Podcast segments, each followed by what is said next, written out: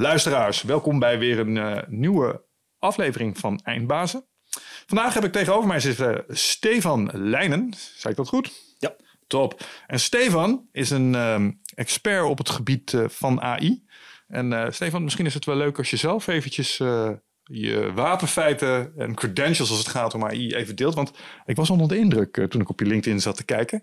Um, vertel. Nou, dank je. Mijn wapenfeiten en credentials. Nou goed, ik ben, uh, ik ben lector Artificial Intelligence aan de Hogeschool Utrecht. Dat betekent dat ik met een uh, groep enthousiaste onderzoekers onderzoek doe naar de verantwoorde inzet van AI, de vangrails van AI, hoe we nieuwe technologie kunnen ontwikkelen waar we blij van worden. Uh, daarnaast werk ik voor AI-net. Dat is het, ja, het AI-groeifonds van Nederland. Uh, we, we, kennen allemaal nog het uh, Hoekstra Wiebesfonds van een paar jaar geleden. Daarna niks meer van gehoord. Nou, dat is dus onder andere dit project geworden. 200 miljoen euro om uh, AI in Nederland echt te versterken en te versnellen. En ik mag me daar bezighouden met het Europese. Dat wil zeggen dat ik um, de Europese Commissie help adviseren om na te denken over AI-strategie en beleid. En dat gaat dan over wetgeving, maar dat gaat ook over hoe zorgen we nou voor dat we AI-bedrijven in Nederland kunnen laten bloeien. Dat de volgende ChatGTP niet uit Amerika komt, maar uit Nederland, et cetera.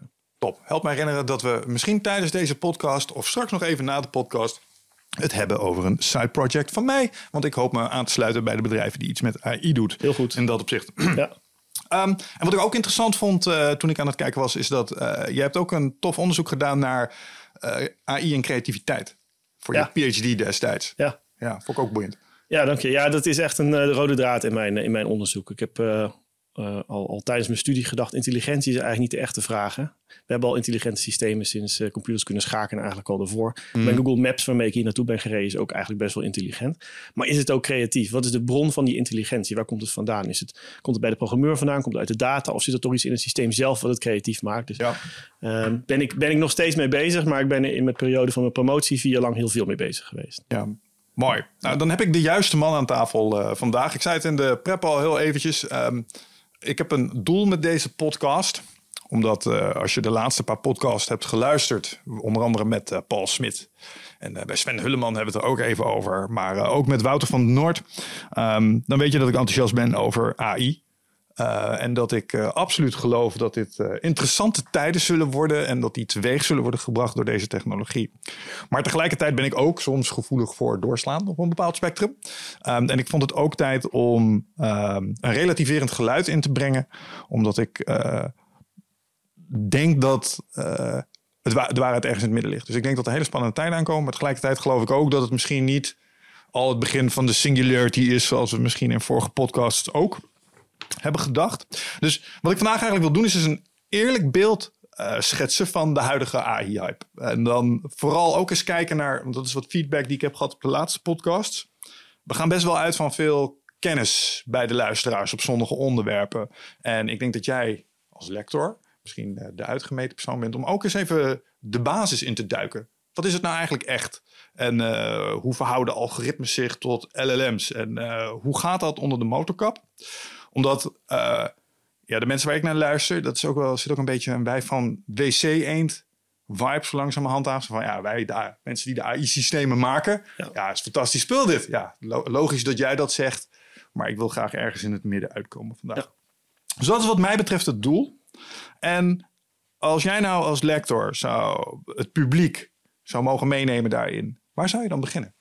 Nou, ik zou beginnen bij de vraag: wat is AI? Dat is een vraag die we vaak stellen en heel eenvoudig proberen te beantwoorden. Maar het is een hele complexe vraag.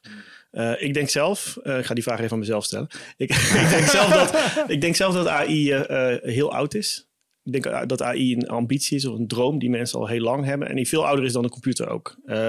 je ziet het ook als je leest hoe men dacht bij het ontstaan van de stoommachine, het ontstaan van de, van de klok en eerdere technologieën. Die werden telkens vergeleken met het brein. Uh, daar hebben we nog steeds uh, uitdrukkingen aan overgehouden als stoom uh, afblazen of er komt stoom uit mijn oren. We dachten in die tijd, oh ja, brein is een soort stoommachine. Dus wat we telkens doen is de nieuwste technologische innovatie. Daarvan zeggen we dat heeft iets weg van hoe wij zijn. We, we spiegelen het aan onszelf. Mm -hmm. En vervolgens zeggen we dat is een vorm van intelligentie. Of daar zit, een, daar zit, daar zit iets in wat intelligent is. Machines, et cetera. Nou, bij de computer gebeurde dat ook. Dus zeg maar jaren 40, 50, 60. maar daar hadden we plotseling een, een systeem wat um, daadwerkelijk ook intelligent gedrag kon vertonen. Wat beetje op ons begon te lijken. Toen dachten we, het zal niet lang duren en we hebben een AI. Misschien een paar maanden en dan hebben we dat wel, uh, die, hè, dat, dat wel opgelost. Nou, dat bleek iets langer te duren. En nu zitten we eigenlijk weer in zo'n, in zo'n sprong. Uh, alleen nu is het machine learning. Uh, waar we van zeggen dat is intelligent, dat is net zoals wij. Dus, hè, dus zeg maar, als je het een soort stack ziet, je hebt computers, uh, machines, computers, machine learning.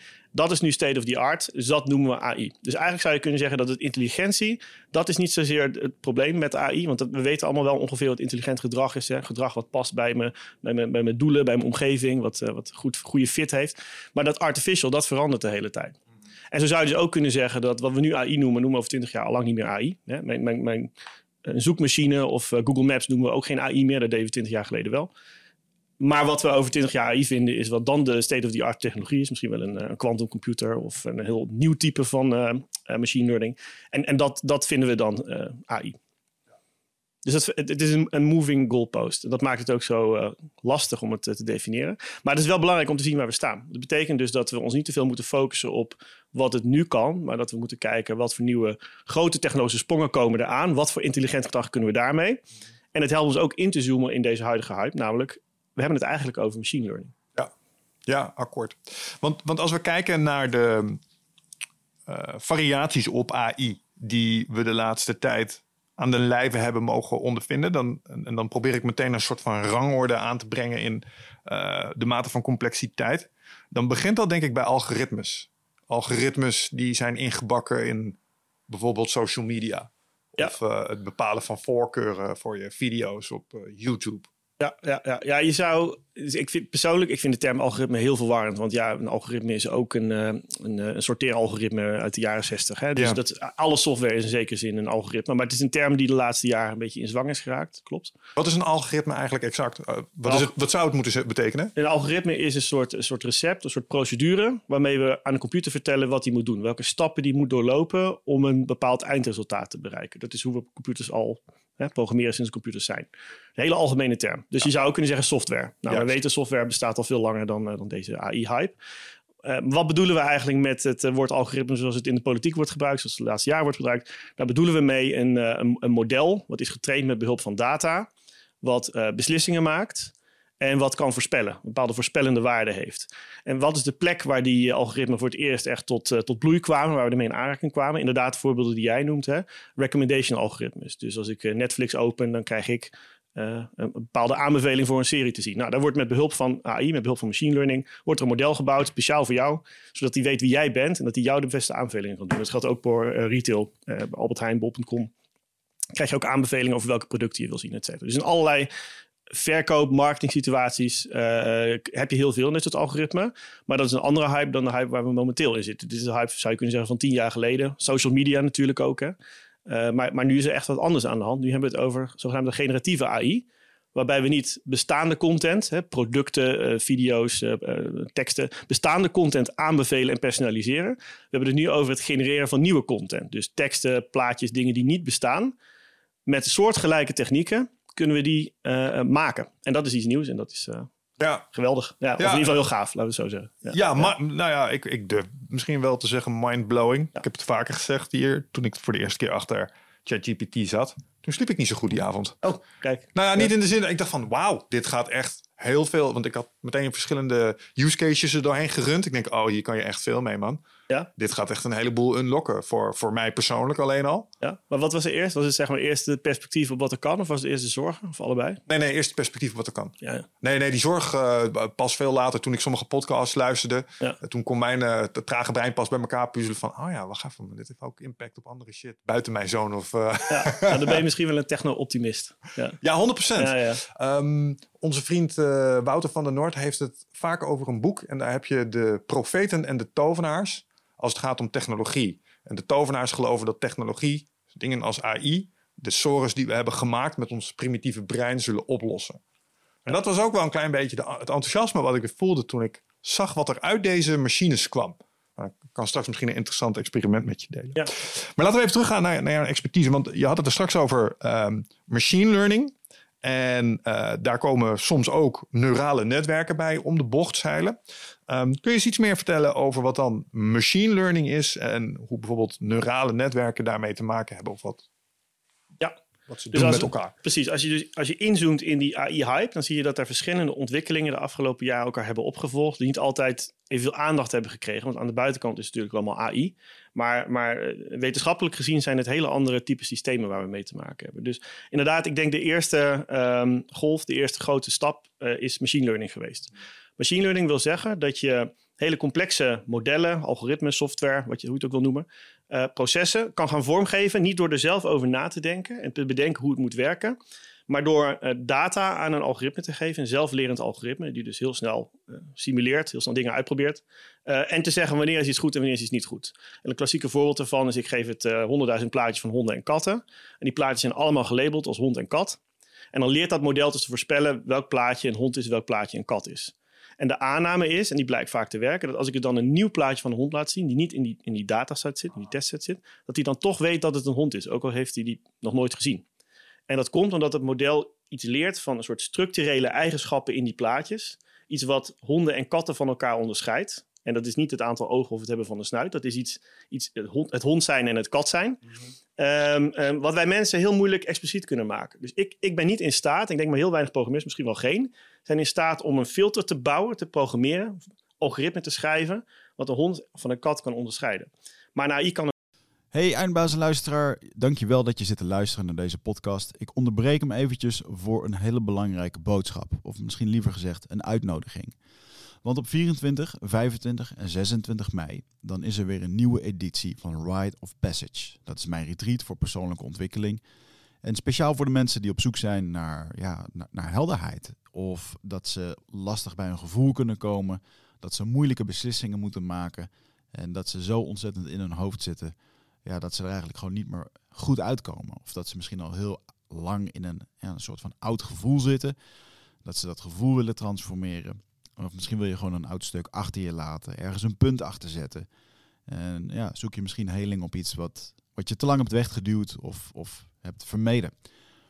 Daarvoor wil ik je uitnodigen op 24, 25 en 26 mei om in een retreat mee te doen waar de inhoud van het programma geheim is. Waar de belofte is dat het oncomfortabel wordt. Want jij begrijpt als geen ander dat als je die volgende stap wilt maken, ja, dan zul je uit de comfortzone moeten komen. En ik garandeer je, laat mij dat proces begeleiden met jou voor drie dagen. En je leven zal daarna nooit meer hetzelfde zijn. Gemiddeld beoordelen de deelnemers het met een 9,2. En daar ben ik ontzettend trots op. Er is ook een money back guarantee. Heb je de drie dagen vol, volbracht en vind je het niks, krijg je gewoon je geld terug. Dus het enige risico wat er is, is dat je gelukkiger kan worden. Ik zie je Bride of Passage. Ga naar wichertmeerman.nl en klik op Retreat. het wel. En dat komt omdat die modellen die die AI maakt, die zijn zo complex dat wij ze niet kunnen begrijpen. Met andere woorden, de, de bovengrens van de complexiteit van zo'n algoritme, van zo'n model, was altijd mijn eigen denken. Dus mijn, mijn apenbrein, mijn monkey brain, heeft maar een bepaalde mate van complexiteit die ik aan kan. Ik kan, ik kan een heel ingewikkeld systeem bedenken, op een gegeven moment houdt het gewoon op, ben ik niet slim genoeg meer. Met behulp van machine learning kunnen we wel dat soort systemen bouwen. Dus met andere woorden, die bovengrens, dat, die, die lid, dat is er vanaf. In feite is de complexiteit van wat we kunnen maken, van de algoritmen en modellen die we kunnen maken, is onbegrensd geworden. Mits je voldoende data hebt, voldoende compute eh, en, en, en heel goed zo'n algoritme weet te ontwikkelen. Ja. Maar, dus dat is een totaal nieuwe manier van programmeren, zou je kunnen zeggen. Wil daar, ja, snap ik. Wil daar toch iets meer eh, op ingaan. Vooral het kat-hond voorbeeld vind ik interessant. Klinkt best wel brute force wat je daar doet. Voer je iets, lijkt een miljoen plaatjes Ja, en, en, en vind de verschillen. ja, Sla die op een of andere manier op. En distilleer eh, zeg maar, principes voor de werkelijkheid. ja, En, en, dan, en dan met een on- ongelofelijke snelheid. ja. Ehm, wat gebeurt er? Want kijk, we weten niet precies hoe het werkt, maar we kunnen wel sh- snapshots maken van de internal states van die systemen. Dus we kunnen kijken wat gebeurt hier nu in het geheugen. Kun je, kun je iets zeggen over hoe dat ding die informatie lijkt te verwerken? Dus gaat hij een soort eigen architectuur bouwen? Of eh, wat zijn eh, kenmerken die hij aan dat object toekent op basis waarvan hij dat doet? Daar, daar kunnen we vast wel iets, Ja, iets over zeggen. kunnen we iets over zeggen, maar het is tegelijkertijd dus heel lastig, omdat het heel eh, complex is. En dat bedoel ik Ja. mee, ik bedoel, een neuraal netwerk, dat kun je gewoon in, eh, in een college uitleggen, wat een neuraal netwerk is. Maar hoe een specifiek neuraal netwerk wat honden en katten van elkaar kan, eh, kan onderscheiden, hoe dat werkt en waarom je het nou onderscheidt en waarom dit ene neuron nou zo belangrijk is, dat is dus heel ingewikkeld. Het is ook geen black box. We noemen vaak AI black box. Dat is onzin. Wij zijn gewoon te dom om erin te kijken. Het is, het is hartstikke transparant. Alleen wij kunnen niet volgen hoe die systemen gaan, omdat er zo ontzettend veel gebeurt dat ons, ons brein ons in de steek laat. Help, help me even om dit, dit goed te begrijpen als een beetje programmeur. Is het gewoon een soort mega complexe database vol tabellen waarvan we de relaties gewoon niet snappen? Moet ik het zo zien? Ja, zo, dat, dat kun je als, als, als voorbeeld of als metafoor kun je zoiets gebruiken. Dus laten we zeggen, die database is zo gigantisch dat je in je hele leven nog niet eens alle tabellen hebt gelezen. Laat staan dat je begrijpt hoe die, hoe die structuur in elkaar Ja, zit, hoe ze aan elkaar rela- relateren. De nieuwste modellen, GPT-modellen, hebben honderden miljarden parameters. Nou ja, begin er maar aan. Zeg Ja, maar. ja, ja, exact. En die zijn ook nog met elkaar verbonden allemaal. Die, eh, dus, dus, dus je weet niet eens waar je moet beginnen om zo'n om zo'n model te openen. wil niet zeggen dat we niet kunnen bestuderen uiteraard. Wat jij ook zegt, je kan wel begrijpen hoe het werkt en hoe het leert. En een van de eerste eh, grote stappen, en dat is ongeveer tien jaar geleden, is deep learning geweest. Deep learning bestaat al veel langer, hè, jaren 80, jaren 90. Maar tien jaar geleden kwam dat echt tot volle wasdom, omdat we eindelijk genoeg data hadden en genoeg computerkracht, voldoende GPU's, eh, om eh, die systemen ook eh, tractable te maken. En dus in 2012 eh, eh, was een deep learning systeem in staat om plaatjes te herkennen op een, op een, op een manier die effectiever was dan, dan, dan andere systemen, niet deep learning systemen. En dat is eigenlijk de eerste grote stap geweest. Dat heeft deep learning in de lift gebracht. Ehm, en, en hoe deep learning werkt, eigenlijk, eigenlijk is op papier weer heel eenvoudig. Hè? Deep learning is een neuraal netwerk. Dus dat is een, een, een, zou kunnen zeggen, een, een datastructuur, hè? net zoals een tabel dat is, eh, die ontzettend goed schaalt. En die ook heel makkelijk dus groter kan worden, waar je heel veel informatie in kan stoppen. En daar heb je dan leren algoritmes voor, die ervoor zorgen dat die 100.000 plaatjes van honden en katten, dat die ehm, ja, op de een of andere manier worden gerepresenteerd in een neuraal netwerk. Een neuraal netwerk is net zoiets als ons brein. Dus dat zijn allemaal neuronen die met elkaar verbonden zijn via connecties, netwerk. En dan stop je een plaatje in aan de ene kant. Aan de andere kant komt de voorspelling uit. Dit is met 75% zekerheid een kat en met 25% een hond. En hoe dat, hoe dat algoritme dan werkt, is je stopt er heel veel van die plaatjes in. Je kijkt wat voor voorspellingen eruit komen. Vervolgens kijken of die voorspellingen een beetje kloppen bij gelabelde datasetten. Want je weet in het begin wat honden en katten zijn. En eh, op basis daarvan pas je de gewichten in het netwerk aan. En zo train je dat model, zo vorm je, het, een soort kleien eigenlijk wat je doet. Vorm je dat model als een honden- en kat classifier. Dus hij geeft zichzelf eigenlijk een soort van examentjes. Van ik weet wat honden en katten zijn. Nu ga ik een algoritme maken. Nu ga ik mezelf die plaatjes nog een keer geven. Om te kijken of ik het snap. En Ja. dan kan ik daarna checken of het gebeurt. is. Dus er zit een eigen ingebakken feedback loop Precies. in. Wat dit in staat stelt. Precies. En eh, de, de voorwaarde hiervoor is natuurlijk wel dat je dus in het begin weet... wat zijn eh, honden, wat zijn katten. Of beter Ja, ja, gezegd. Dat, die, dat die data, die plaatjes, die moeten gelabeld zijn. En daar zit ook meteen een bottleneck voor dit soort systemen. Want hoe kom je aan die gelabelde data? Ja, dat is weer mensenwerk. Ja. Dit is, het, is, het is ontzettend veel werk, maar het is wel simpel werk. Voor nu nog. Nou ja, daar kom je dus eigenlijk bij de tweede revolutie, eh, interne revolutie in AI. Dat zijn de foundation models, beter gezegd, self-supervised learning. Ehm, ehm, dat gaat er eigenlijk om dat je data gebruikt die niet door mensen is gelabeld, maar die als het ware intrinsiek al eh, ehm, eh, eh, die patronen in zich heeft. Dus een, een voorbeeld, als je een grote lab tekst pakt, dan kan je op basis van de voorgaande zinnen voorspellen wat het volgende woord moet zijn. Juist. Dit is hoe, hoe, ChatGPT ja, ja, ook ja, werkt. Daar heb ik vragen over. Ja, dus, dus, dus dit, is, dit is weer een ontdekking. Dus nu hebben we opeens niet meer te maken met gelabelde datasets en, en mensenwerk. En we hoeven niet meer. Want ik, die zinnen die zijn er al, die staan er al. Dus ik heb geen mens meer nodig wat zegt: Oh, als ik deze zin heb, dan is dit het volgende woord. Nee, je gaat gewoon lezen. Dus ah, er is data die je kan gebruiken, en dat is best veel data.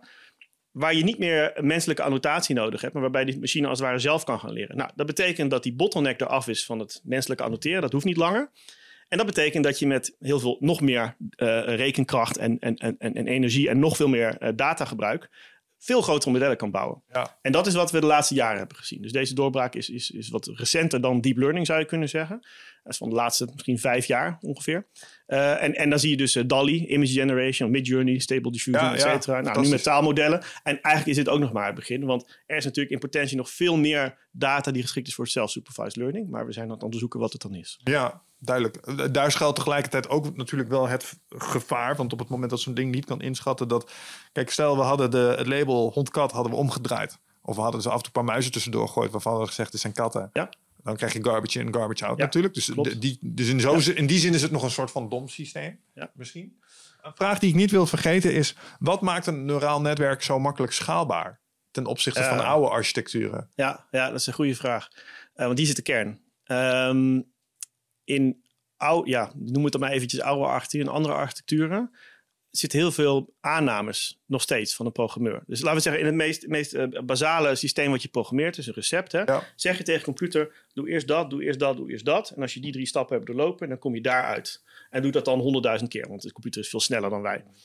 Eh, nou, hartstikke effectief, maar betekent wel dat wij dus moeten bepalen wat die stappen zijn. Misschien is het wel een veel efficiënter pad. Of, of, eh, of, of moeten we überhaupt een andere kant op? Nou, dat, dat kan een computer.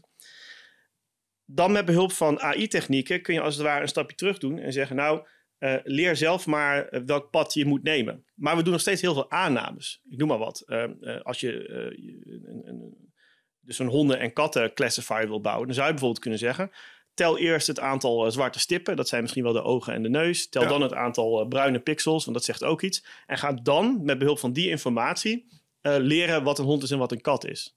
Wij denken dat wij weten wat goede features zijn van honden en van katten. Wij zijn, eh, wat dat betreft, eh, hebben we erg veel zelfvertrouwen als mensen dat we dat weten. Ja. Wat is er nou? En, en dat was ook heel lang nodig, want ja, zo'n zo'n machine kon gewoon niet omgaan met, met, met, met pure pixels. Dus je moest al een beetje structureren.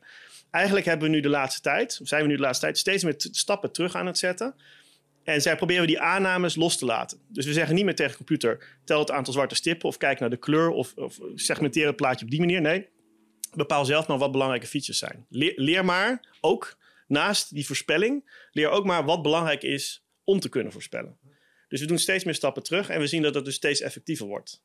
Dat is interessant, want daar bypass je compleet onze evolutionaire filters. Ja. Omdat wij complete selectiebias hebben ingegeven door... Ja, je moest vroeger jagen, dus ik ben goed om bepaalde dingen in het landschap te herkennen. Maar misschien is dat wel helemaal niet waar je op zou moeten letten... Ja. als je doel is om... Ja, nou, een mooi voorbeeld. Ne- Netflix, ook tien jaar geleden ongeveer, hebben een eh, competitie uitgeschreven. Die hebben natuurlijk een enorme dataset. Ja. Hè? Die weten van al hun kijkers wat hun voorkeuren zijn, maar die weten ook dingen als eh, leeftijd, de postcode, et cetera. Dus daar kun je, kun je leuk mee voorspellen. Dat is ook een van de, van de unique features van Netflix natuurlijk.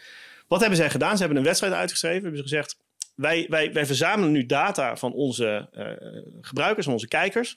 Eh, en dat doen we op een aantal assen, een stuk of twintig dimensies. Met andere woorden, hè, ik ben eh 41, ik ben man, ik woon daar en daar, et cetera. Nou, dat zijn allemaal assen waarvan wij zouden zeggen, ja, dat, dat zegt iets over mij. Dat bepaalt wie ik ben. En daarmee kan je een voorspelling doen. Nou, zij zeiden, wij gaan bevragen of die assen zelf wel kloppen. Dus we pakken die dataset, we weten welke mensen van welke series houden. We gaan het op zijn kop zetten. We gaan niet proberen te voorspellen op basis van die assen wat een leuke serie is. We gaan op basis van wat mensen voor series leuk vinden, proberen te voorspellen welke assen we moeten gaan gebruiken. Nou, wat kwam eruit? Een stuk of 50 van die, van die assen waar je mensen op kan plaatsen. 20 daarvan waren extreem logisch. Laten we zeggen dat op, aan de ene kant van de as stonden allemaal mannen, die hielden allemaal van de ene soort serie. Allemaal vrouwen hielden van een andere soort serie. Ja. Ik sla het even plat. Nou, zo had je 20 van dat assen, kon je zo'n label opplakken. 30 van die assen hadden we geen flauw idee hoe we die moeten noemen. Dus aan de ene kant heb je een groep die houdt van een bepaald type serie. En aan de andere kant totaal andere soort series. Maar als je naar die groepen gaat kijken, uniforme distributie. Dus, dus met andere woorden, je zou niet weten wat dit voor groep is en wat dit voor groep is. Ja, ja, er staat een groep mensen bij elkaar. Je hebt geen idee wat ze verbindt, anders dan dat ze die serie tof vinden. Ja, En dat, maar, je zou wel, maar het is toch wel degelijk een patroon dat ontwaard is door AI, waardoor ze bij elkaar horen. de ene groep staat links van de kamer, de andere rechts. En het zijn volgens het algoritme totaal verschillende groepen. Ze hebben ook totaal verschillende voorkeuren. Maar je kan die groep mensen niet onderscheiden op basis van een kenmerk. Met andere woorden, dat kenmerk is er wel. Ja, dus Maar wij- geslacht doet er niet in mee, leeftijd. Nee, nee, precies. Dat soort labels kun je er allemaal niet op plakken. Dus je kijkt en je denkt, wat maakt nou die ene groep anders dan die, dan die groep? Geen idee. Maar er is dus wel iets. Alleen we hebben er geen woord voor. Onze instincten, hè, onze biologische instincten, laten ons hier in de steek. Ja. En het algoritme heeft iets gevonden wat wij niet weten. En dat is dus een aanname die, waar we blind voor zijn. Ja, ik kom dan automatisch. Wat zou dat dan kunnen? Dan kom je in een soort psychologische disposities of zo uit. Zo van: eh, ik heb een voorkeur voor X, dus eh, laten we het op smaak houden. Ik vind cola lekker. En er is een hele groep mensen die vindt cola ook lekker. Alleen nou heeft Netflix dus weten te identificeren dat dat cola lekker vinden. Dat, Ja. dat, dat dit het ding is wat die mensen overeenkomt, zonder dat we verder iets van ze wisten. Ja, ja. en hij kan, dus, dus, dus dat is in, in principe heel goed. Want het betekent dat we mensen betere aanbevelingen kunnen Mhm. doen. Hè, want we begrijpen meer van mensen.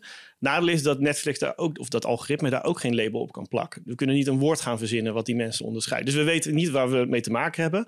En dat wordt ook heel lastig om dan als mens weer te interveneren in zo'n systeem. Want ja, eh, gaan we dan die dimensie ooit weer weghalen? Of gaan we nieuwe dimensies toevoegen? Ja, dat kan niet. Dus je hebt het als het ware overgedragen aan, aan machine learning. Je zegt wij, wij schieten tekort. Laat de AI het maar oplossen.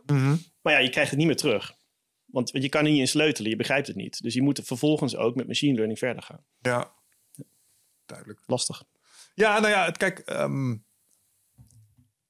wat ik er tof aan vind, is dat Ik had altijd gedacht dat, dat First Contact met een andere intelligentie iets zou zijn als een alien die zou aankomen en dat we daar contact mee hebben. Maar het is zo'n niet-evolutionaire manier van denken die dat ding heeft. Het, het bypast al onze standaard banen. En dat is wat ik er zo fascinerend aan vind. Dat er dit soort dimensies kan ontwaren die nooit bij ons waren opgekomen omdat, ja, was niet nuttig op de savanne, man. Ja. Uh, dat vind ik er zo fascinerend aan. En Ja. daar schuilen kansen, maar ook de risico's dus weer. Ja. Uh, En, en daar is het dus ook eh, behulpzaam om ehm, eh, als het de geschiedenis van AI en de geschiedenis van computers er een beetje bij te pakken. En te Mhm. kijken, hoe, op, op basis waarvan is zo'n systeem ontstaan? Je zou kunnen zeggen, als ik het even helemaal plat sla, dat eh, computation, de computer, is geautomatiseerde logica. Ja. Dus we, we, we hadden al honderden jaren weten we wat logica is. Maar we hebben nu machines gebouwd waarmee we die logica heel snel kunnen, kunnen uitwikkelen, zal ik maar zeggen. Heel snel logische stappen kunnen maken. Met alle beperkingen van dien. De, de, de tijd waar we nu in zitten, de AI-tijd, machine learning, is geautomatiseerde statistiek. Dus we kunnen ook al heel lang statistiek doen. Ook al voor 1900 wisten we wat statistiek was. Maar we hebben nu machines gebouwd op die logische machines die heel snel statistiek kunnen doen. Maar dat betekent ook dat alle, alle ja, problemen die we kennen van, van statistiek, dat die nu worden uitvergroot. Dus Ja. we weten dat we statistiek kunnen gebruiken om van alles te verzinnen. Eh, allerlei, hè, als het ware een uitkomst te verzinnen bij een aanname die we hebben. Nou, zie ChatGTP, die hallucineert. Ja. Eh, we weten ook dat we data kunnen platslaan. Dat er bias in data kan zitten als we statistiek gebruiken. Nou, dat is nu ook de turbo opgezet. Dus in die zin is prima te begrijpen welke problemen er zijn nu met de huidige AI. En ook ja, misschien ook wel hoe je die kunnen oplossen. Ja, duidelijk. Breng me wel bij de, de inner workings van ehm, large language models. Want Ja. dat, dat lijkt de nieuwste innovatie te zijn, die eh, een bepaald kunstje doet. En kijk, eh, we hadden het eh, voor de podcast prep hadden we het even over de Sam Altmans van deze wereld, die dit in zeg maar, onthalen als een nieuwe, bijna goddelijke intelligentie die aan de vooravond van zijn geboorte staat. Maar we hebben ook de Siri Berendsen van de wereld die zeggen: ja, oké, maar dit zijn gewoon eh, overcomplexe statistische calculatoren die op het juiste moment het juiste woord uitpoepen. Mwah, ik weet niet, man. Als ik zie wat er uitkomt, dat is. ehm, Ik zit vaak zo Ja. achter mijn computer. Zo van, eh, laten we sowieso even stilstaan bij het magische wonder, wat we, technologisch wonder, wat hier voor de oog ontvouwt. Want het feit dat wij als mensen dit kunnen bouwen, komend waar we vandaan komen. We hebben net een paar keer heel denigrerend gezegd evolutionaire bagage. Komt toch wel mooi dit uit. Dus, ongelooflijk. dat- Ja, dus het, dat is, is- het, is, het, is, het- tenminste voor mij, ik ben natuurlijk ook een beetje biased, maar voor mij is het hetzelfde als de maanlanding. Dat we een systeem hebben kunnen bouwen waarmee we kunnen praten. Dat is, een, dat is iets wat je niet kan begrijpen vanuit het idee dat wij eh, een paar miljoen jaar geleden nog apen waren. Zeg maar. Exact dat. En, en dat, zeg maar, een kleine 120 jaar geleden of zo, we net waren begonnen met eh, de combustion engine en dat we nu hier staan. De extreme versnelling. Dat kunnen we in ieder geval waarnemen. Ja, ik hoop het zo nog even met je over science fiction eh, te kunnen hebben. Maar het feit dat deze gesprekken in mijn levensspannen nog worden gevoerd, vind ik geweldig. Ja, ja, ja. Front row seats. Dus dat, dat is leuk. En, het, is- en het gaat heel snel, dus er gaat nog heel veel gebeuren. Ja. Want We hebben de neiging om ons te focussen op de laatste innovatie, inderdaad, de large language models. Wat komt er aan? Ja, nee, daar wil ik het zo meer. ook duidelijk Ja, met je over. Ja, nee, geen zorgen. nou, dat is mooi, want ja, het is gewoon enthousiasme. Ehm, maar kunnen we eens kijken naar wat die, die LLM's nu eigenlijk aan het doen zijn? Dus eh, wat laat een ChatGPT de fantastische resultaten genereren die het doet? Ehm, in principe is het, nou dat, en dat voorbeeld wordt al vaker gebruikt als het gaat over het, het uitleggen van wat zo'n LLM doet. In principe is het niets anders dan een soort autocomplete. Hè? Dus wat ik net al zei, het is de, een, een, een, LLM is in feite een foundation model, wat weer een vorm is van deep learning, dus een neuraal netwerk, en wat weer een vorm is van machine learning. Eh, alleen eh, wat ze zo effectief maakt, is dat ze dus kunnen eh, trainen op behulp van unlabeled data, dus self-supervised learning. Dus we hebben geen mensen meer nodig om ze te vertellen wat ze moeten doen. Dat maakt dat ze een enorme datasets aan kunnen. Nou, wat is de grootste dataset die we hebben? Het internet. Dus we laten zo'n LLM, text-based, hè? dus we laten zo'n LLM een foundation model trainen op het internet. We hebben ontzettend veel computerkracht nodig om die training te doen. Miljarden parameters. Dat is geen, hè, er zijn maar weinig bedrijven in de wereld die dat, die dat aankunnen, die dat, dat budget daarvoor hebben. Nou, OpenAI is er toevallig één van en die hebben zo'n systeem gebouwd. Wat ze hebben gedaan is dat eh, eh, geopend naar de wereld.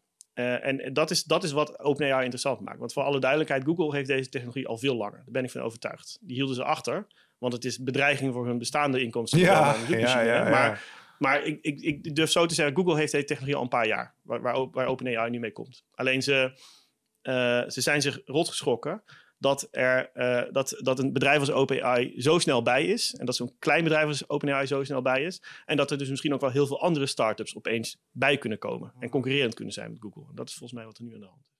Krijgen over de open source community, die ook gewoon lekker aan het Dat is ook meebouwen een hele is. interessante. Ah, Ja, ik- ja, ik- ja, ik want OpenAI is in die zin wordt ook in de nek gezeten door, door open source. En wat zit daar nou onder dat, dat, dat, dat mechanisme? Daar zat onder, en dat is dat, eh, ik weet niet of je dat kent toevallig, maar een artikel van een eh, een Google memo. We have no mode, en neither does OpenAI. Mhm. Heel interessant. Wat daarin wordt gezegd is dat bedrijven als Google, grote social media bedrijven, grote platformbedrijven, met name de big techs uit Amerika en een aantal Chinese bedrijven, hebben altijd gedacht dat ze een voorsprong hadden die niet kon worden ingelopen. Want zij hebben de, de, computerkracht, ze hebben de data, het allerbelangrijkste, en ze hebben talent in huis. Ze weten talent aan zich te binden. Dus je kan, je kan zo met je, met, je, met je modellen en met je onderzoek naar buiten treden. Want, en er kunnen allerlei start-ups mee gaan werken. Maakt niet uit, die, die achterstand hou je nooit meer in als een start-up. Nou, men is daar nu de laatste maanden aan het twijfelen geslagen of dat wel zo is. Want het kan best wel eens zo zijn dat je met minder data en minder computerkracht dezelfde resultaten kan bereiken. En, wat, en dat, dus dat open source, dat, die, die, die over het algemeen heel veel enthousiasme en heel veel talent hebben, maar wat minder budget, dat die dus gewoon bij kunnen trekken. Hoe kan dat nou? Mijn, en dit is speculatief, maar mijn aanname is dat wat we proberen te modelleren met behulp van dit soort modellen wel eens veel eenvoudiger kan zijn dan dat we altijd hebben gedacht. De realiteit is oneindig complex. Daar kunnen we, daar kunnen we hè, eh, kunnen het lang kort over hebben, maar realiteit is, ehm, bevat ontzettend veel subtil- subtiliteiten. Je, je kan ontzettend ver inzoomen op één ding. Tegelijk is de wereld weer groot. Dus dat, dat krijg je niet snel gemodelleerd.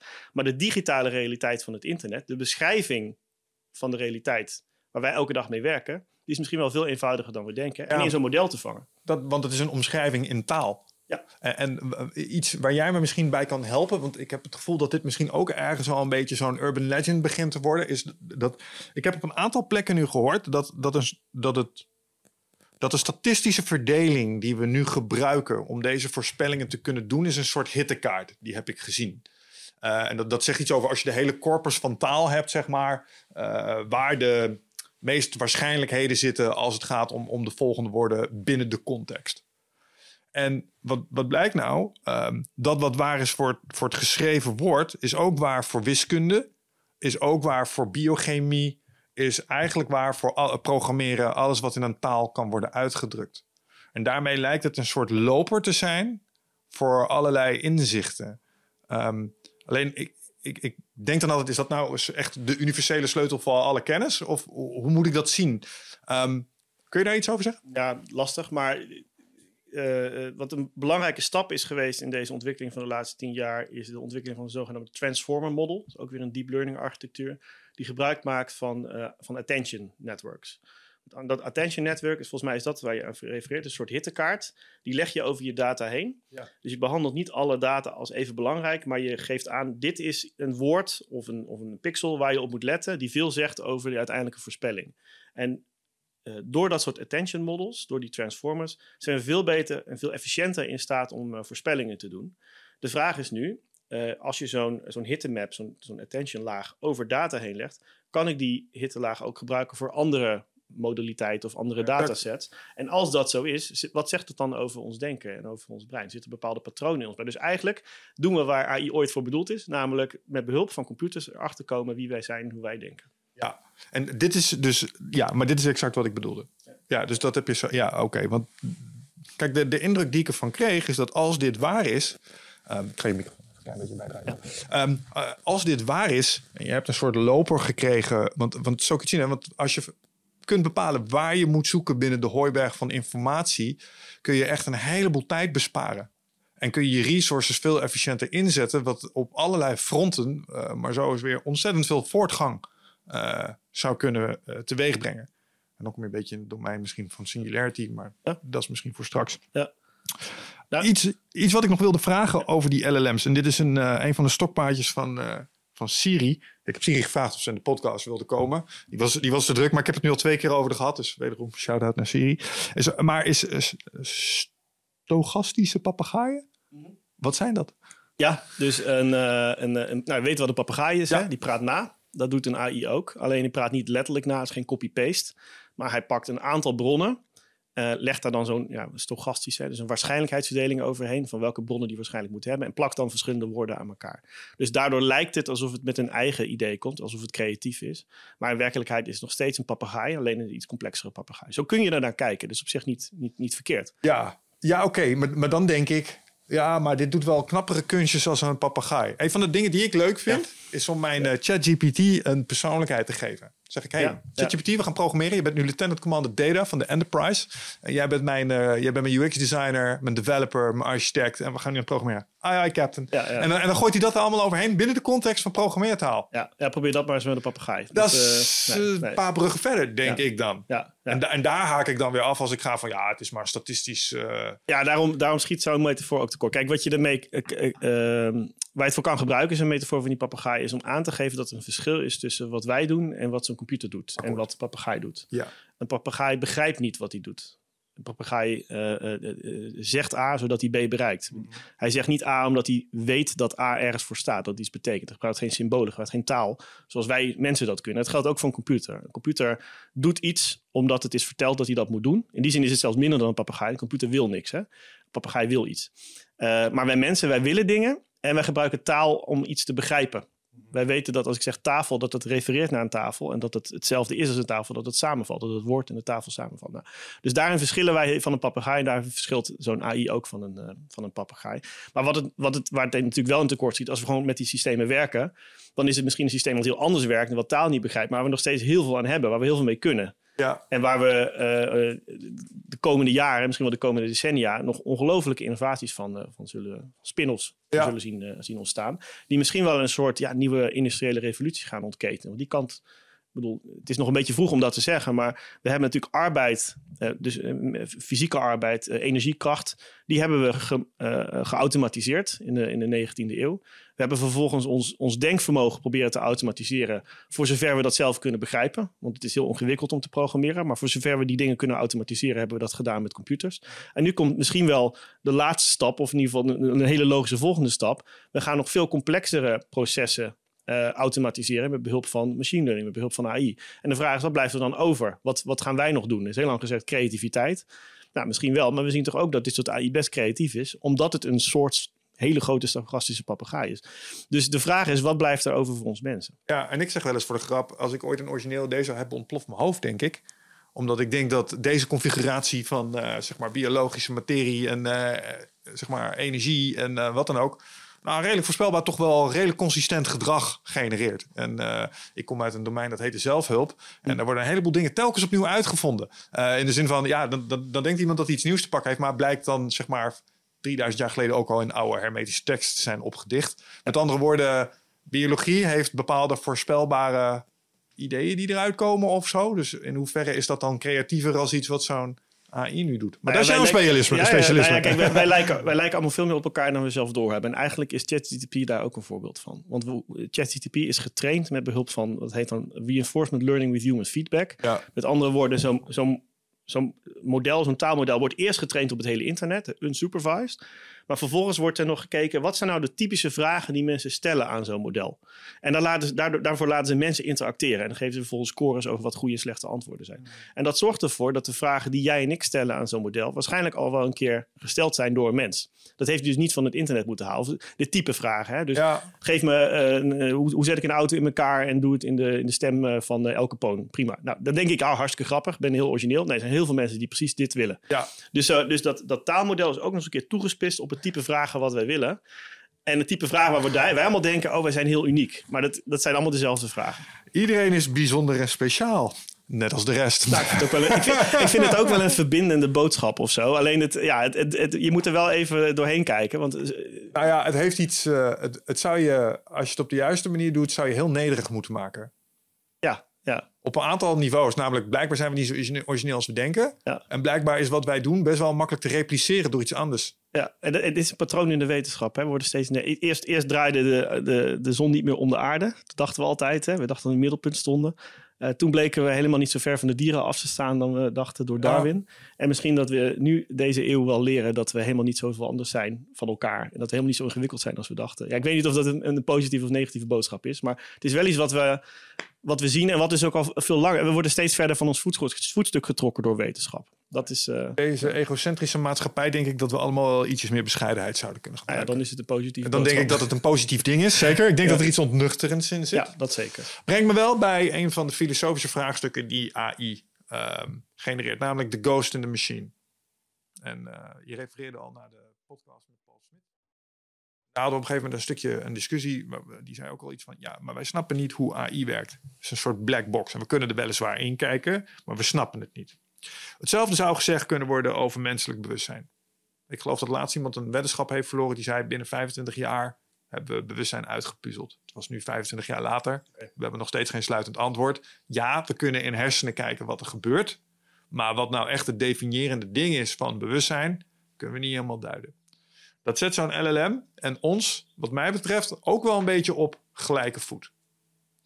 Oh, dat vind ik een hele flinke stap. In de zin Ja, van, ja, ja, hey, we weten niet wat er, wat er daarbinnen gebeurt. Eh, we weten daar ook niet 100% eh, wat er daarbinnen gebeurt.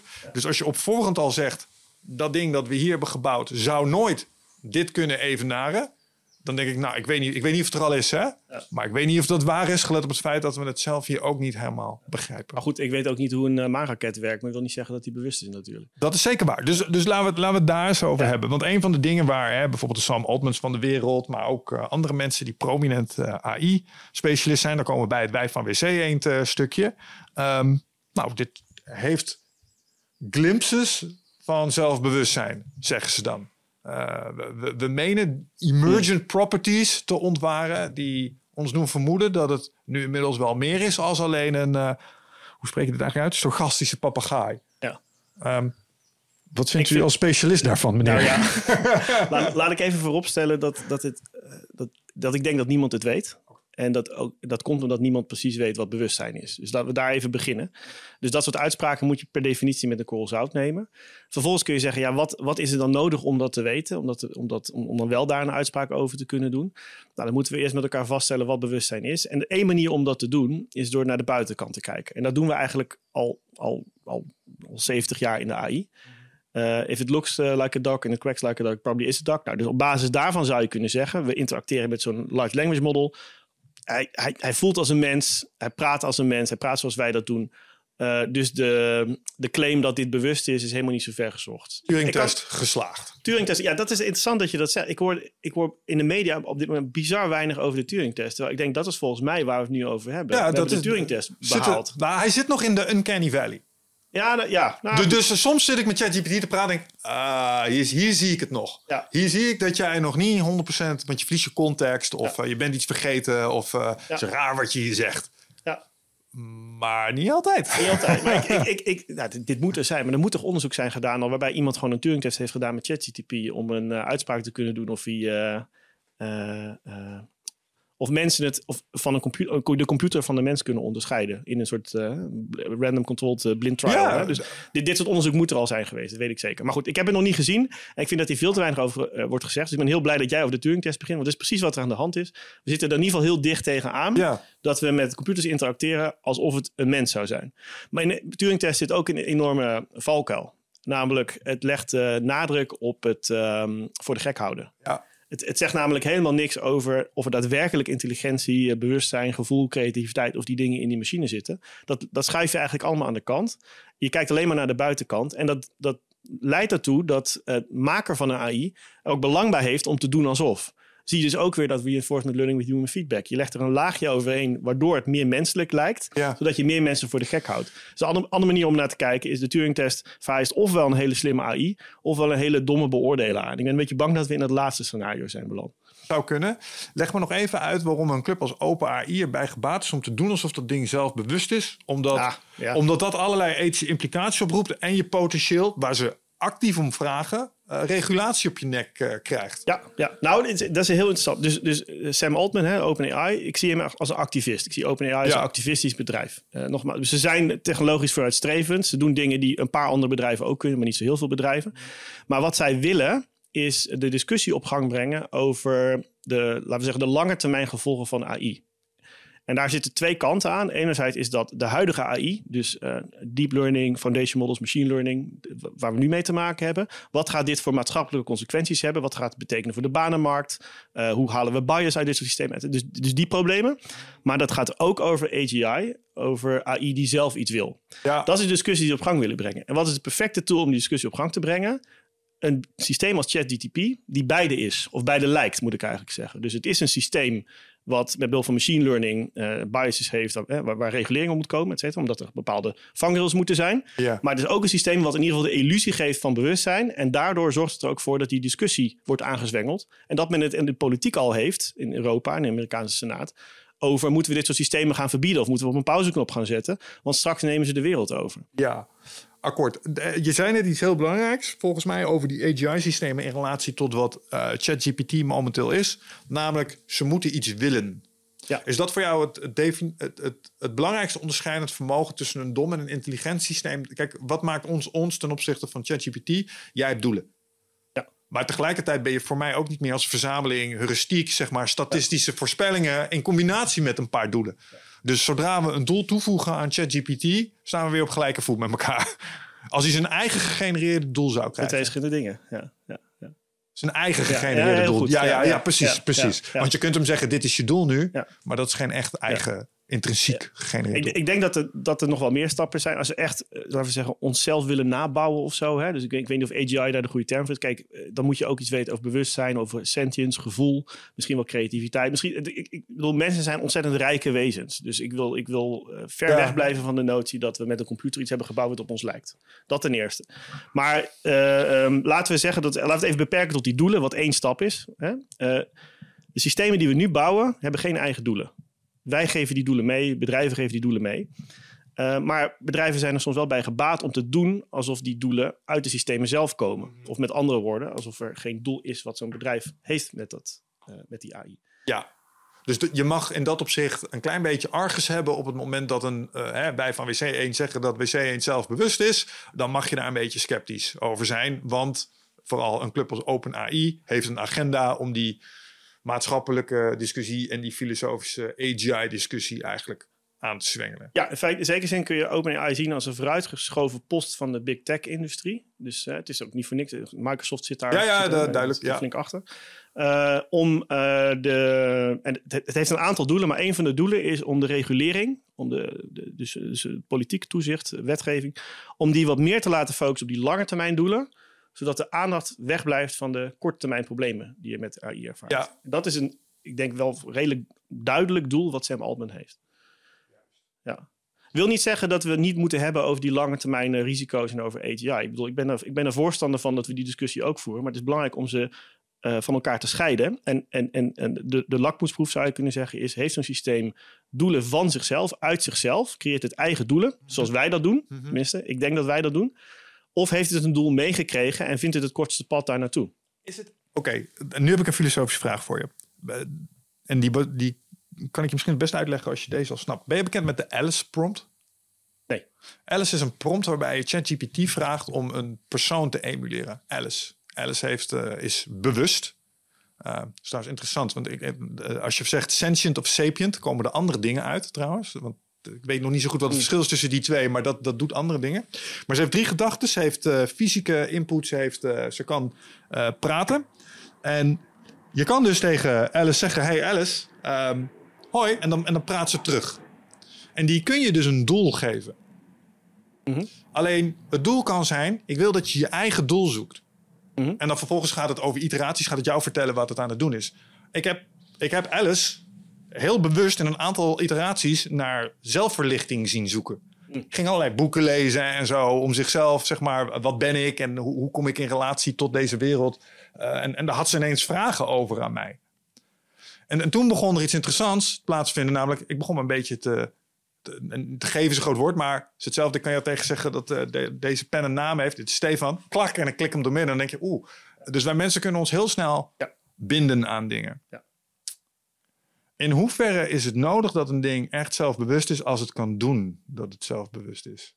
Nou ja, eh, vorig jaar zagen we hier een voorbeeld van in het zogenaamde Lambda-incident bij, bij Google. Eh, dat was een, er was een, eh, een engineer bij Google en die, ik stel me zo voor dat hij dan ergens eh, op een eh, regenachtige vrijdagavond nog eventjes na het werk zat te praten met zo'n large language model, die ze bij Google dus ook al een tijdje hebben. Ja.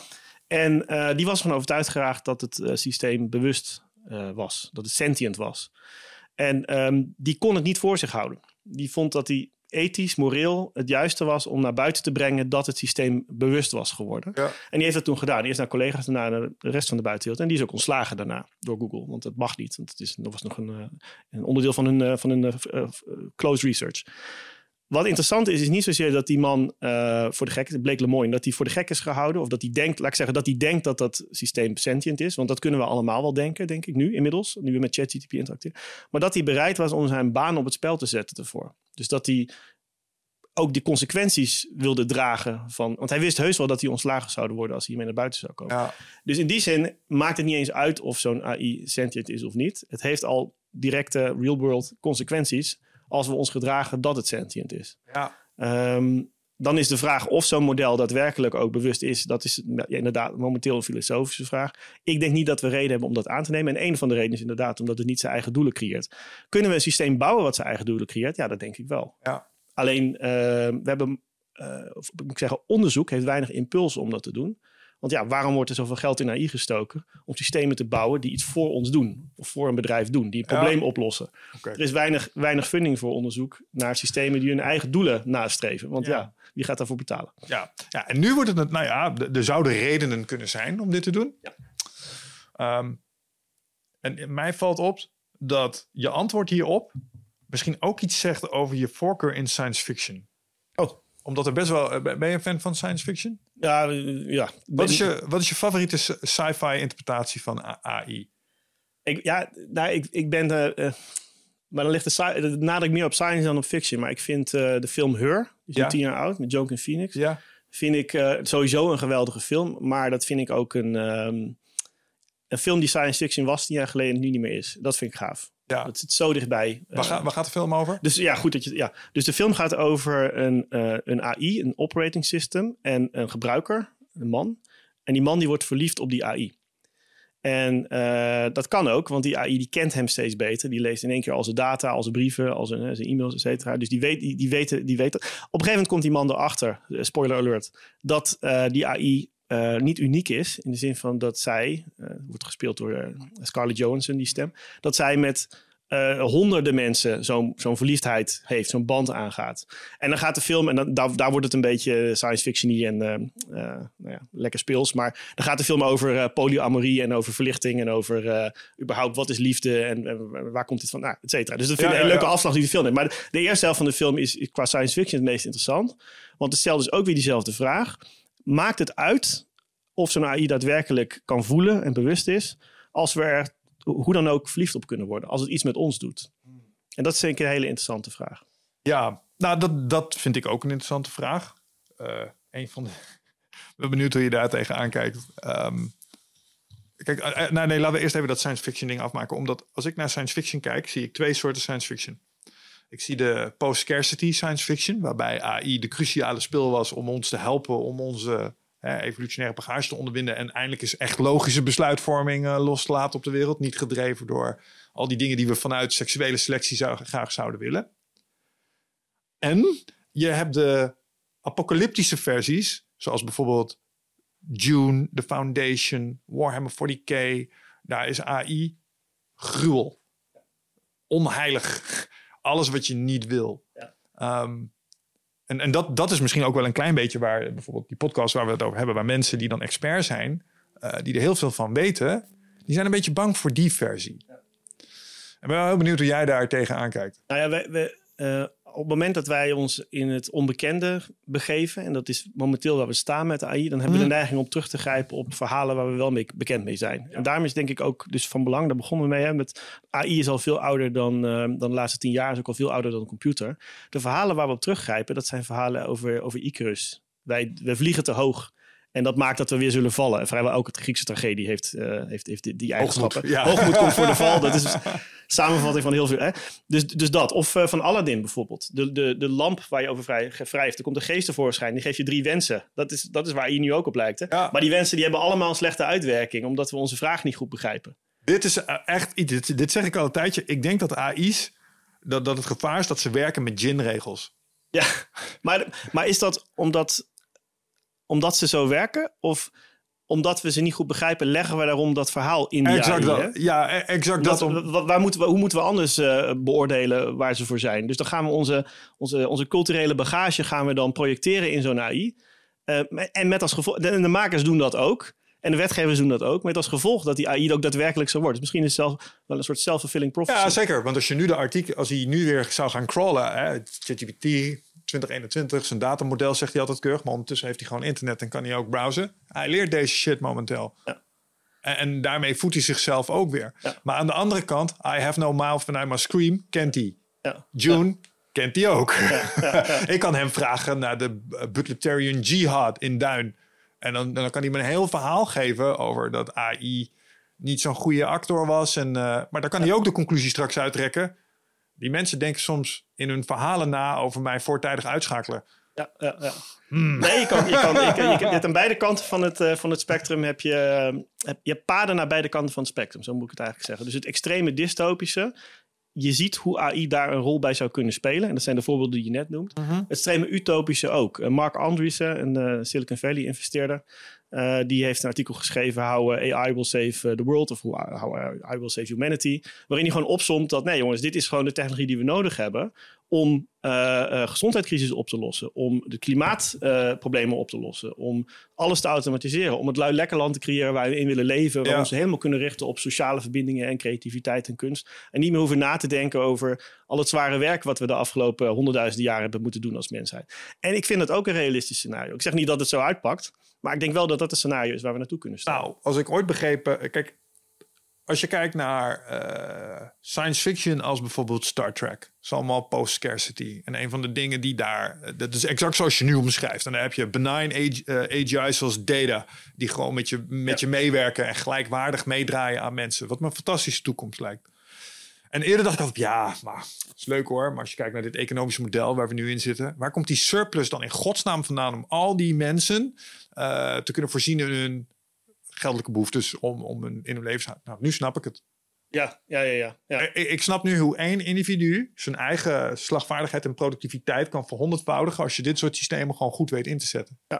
Als je, als je naar de jagers-verzamelaars was toegegaan en je had gezegd, je hoeft straks niet meer te jagen en te verzamelen, had hij gezegd, dat kan niet. Ik, heb, ik, moet, de ik, hè, ik, ik, ik moet de bossen in, ik moet plukken. Of naar een, een boer eh, t- 10.000 jaar geleden. Nee, ik moet mijn veld verzorgen. Ik heb geen tijd voor allerlei eh, leuke hobby's. Ja, Dat, door technologie zijn wij in zijn we ons eigenlijk, hebben we ons bevrijd van dat, eh, wat eh, Hannah Arendt dan vita laborans noemt. Dus het, puur het werken voor het produceren en het consumeren. Of vita actief. Hou me te goede. ja, Maar kunnen we ons richten op dingen die ons daadwerkelijk interesseren? Eh, De, de, de, de, vita poli- politica, eh, vi- vita act- activa, dus politiek. eh, kunnen we ons richten op kunst, op de zelfontwikkeling, zelfontplooiing. En ik denk dat dat een hele positieve richting zou zijn. ja. Het antwoord is natuurlijk, het ligt allemaal niet vast. Het is wat wij ervan maken met elkaar. Zowel Nee, het 100%. dystopische als het utopische. Maar daarom vind ik framing zo belangrijk. Omdat als nu er ideeën in mensen hun hoofd ontstaan dat dit het begin is van de apocalypse, dan zal dat het ook zijn. Als er nu ook evenredig veel ideeën ontstaan, misschien net ietsjes meer, dat dit een begin van een hele mooie epoch in de menselijke geschiedenis kan zijn, waarbij we een boel van ons leed achter ons laten, omdat we onze irrationele besluitvorming, dat is de grootste kans die ik zie namelijk. Als je, je had het net over politiek. Mensen moeten zo ver mogelijk bij de politiek vandaan. Omdat mensen eh apenrotsgedrag vertonen. We, spreken nu twee dagen na de val van ons kabinet. Fucking puinzooi weer, hè jongens? En, en hoe komt dat? Nou, omdat het gewoon mensen zijn met eigen agenda's, eigen belang, die status, welvaart en eh, seksuele selectie nastreven. Wat alle besluitvorming zo irrationeel maakte als een scheefstaande deur. Dus dat zouden we nu potentieel in één keer allemaal kunnen omzeilen als we met z'n allen een systeem zouden kunnen maken dat zo robuust is dat we het zouden kunnen vertrouwen. En dit brengt me bij een experiment wat ik heb gerund. Ja. Ik heb, ik heb ChatGPT president van de wereld gemaakt. Ik zeg, uh, jij bent nu benign AGI. Je hebt de sleutels van de wereld. Wat gaan we doen, chef? Daar kwamen echt zinnige dingen uit, jongen. Ja, ja. Natuurlijk allemaal gevoed door wat we zelf hebben bedacht. Maar dat maakt niet uit. ja, nou breng het naar Den Haag zou ik zeggen. Dat, eh, Ja, zullen wat aan hebben. Nou ja, kijk, de, de- ik denk dat de mensen die waarschuwen voor AI, want je zegt net, het, is, hè, het kan een self-fulfilling prophecy. Ik denk dat zij juist denken dat ze waarschuwen om het te voorkomen. Ehm, eh, dus, eh, Nick Bostrom, eh, maar ook Harari bijvoorbeeld, schetsen hele ap- apocalyptische scenario's omdat ze denken dat ze met het schetsen van die scenario's de, de toekomst een, een ander pad kunnen laten nemen. Ja. Dus ik denk ook dat zij ehm, de, uiteindelijk ook optimistisch zijn daarin, want ze denken dat ze het kunnen beïnvloeden. Uh, alleen uh, de vraag is of je door alleen maar de negatieve kanten te schetsen wel het juiste gesprek voert met elkaar. Want waar het volgens mij over moet gaan, is ook niet, ook niet per se het utopische, want dan, dan, dan doe je niks meer. Dan denk je, het komt allemaal wel goed. Maar waar het over moet gaan is kleine stapjes. Wat willen we dat deze technologie de komende tijd voor ons gaat betekenen? En dan vertrouwen we erop dat over tien jaar of over honderd jaar mensen dan kunnen bepalen wat de technologie dan voor hun moet betekenen. Ja, ja en, en mensen leren er verantwoordelijk mee om te gaan. Dat, dat lijkt me ook een hele belangrijke. In de zin van, je, je, ja.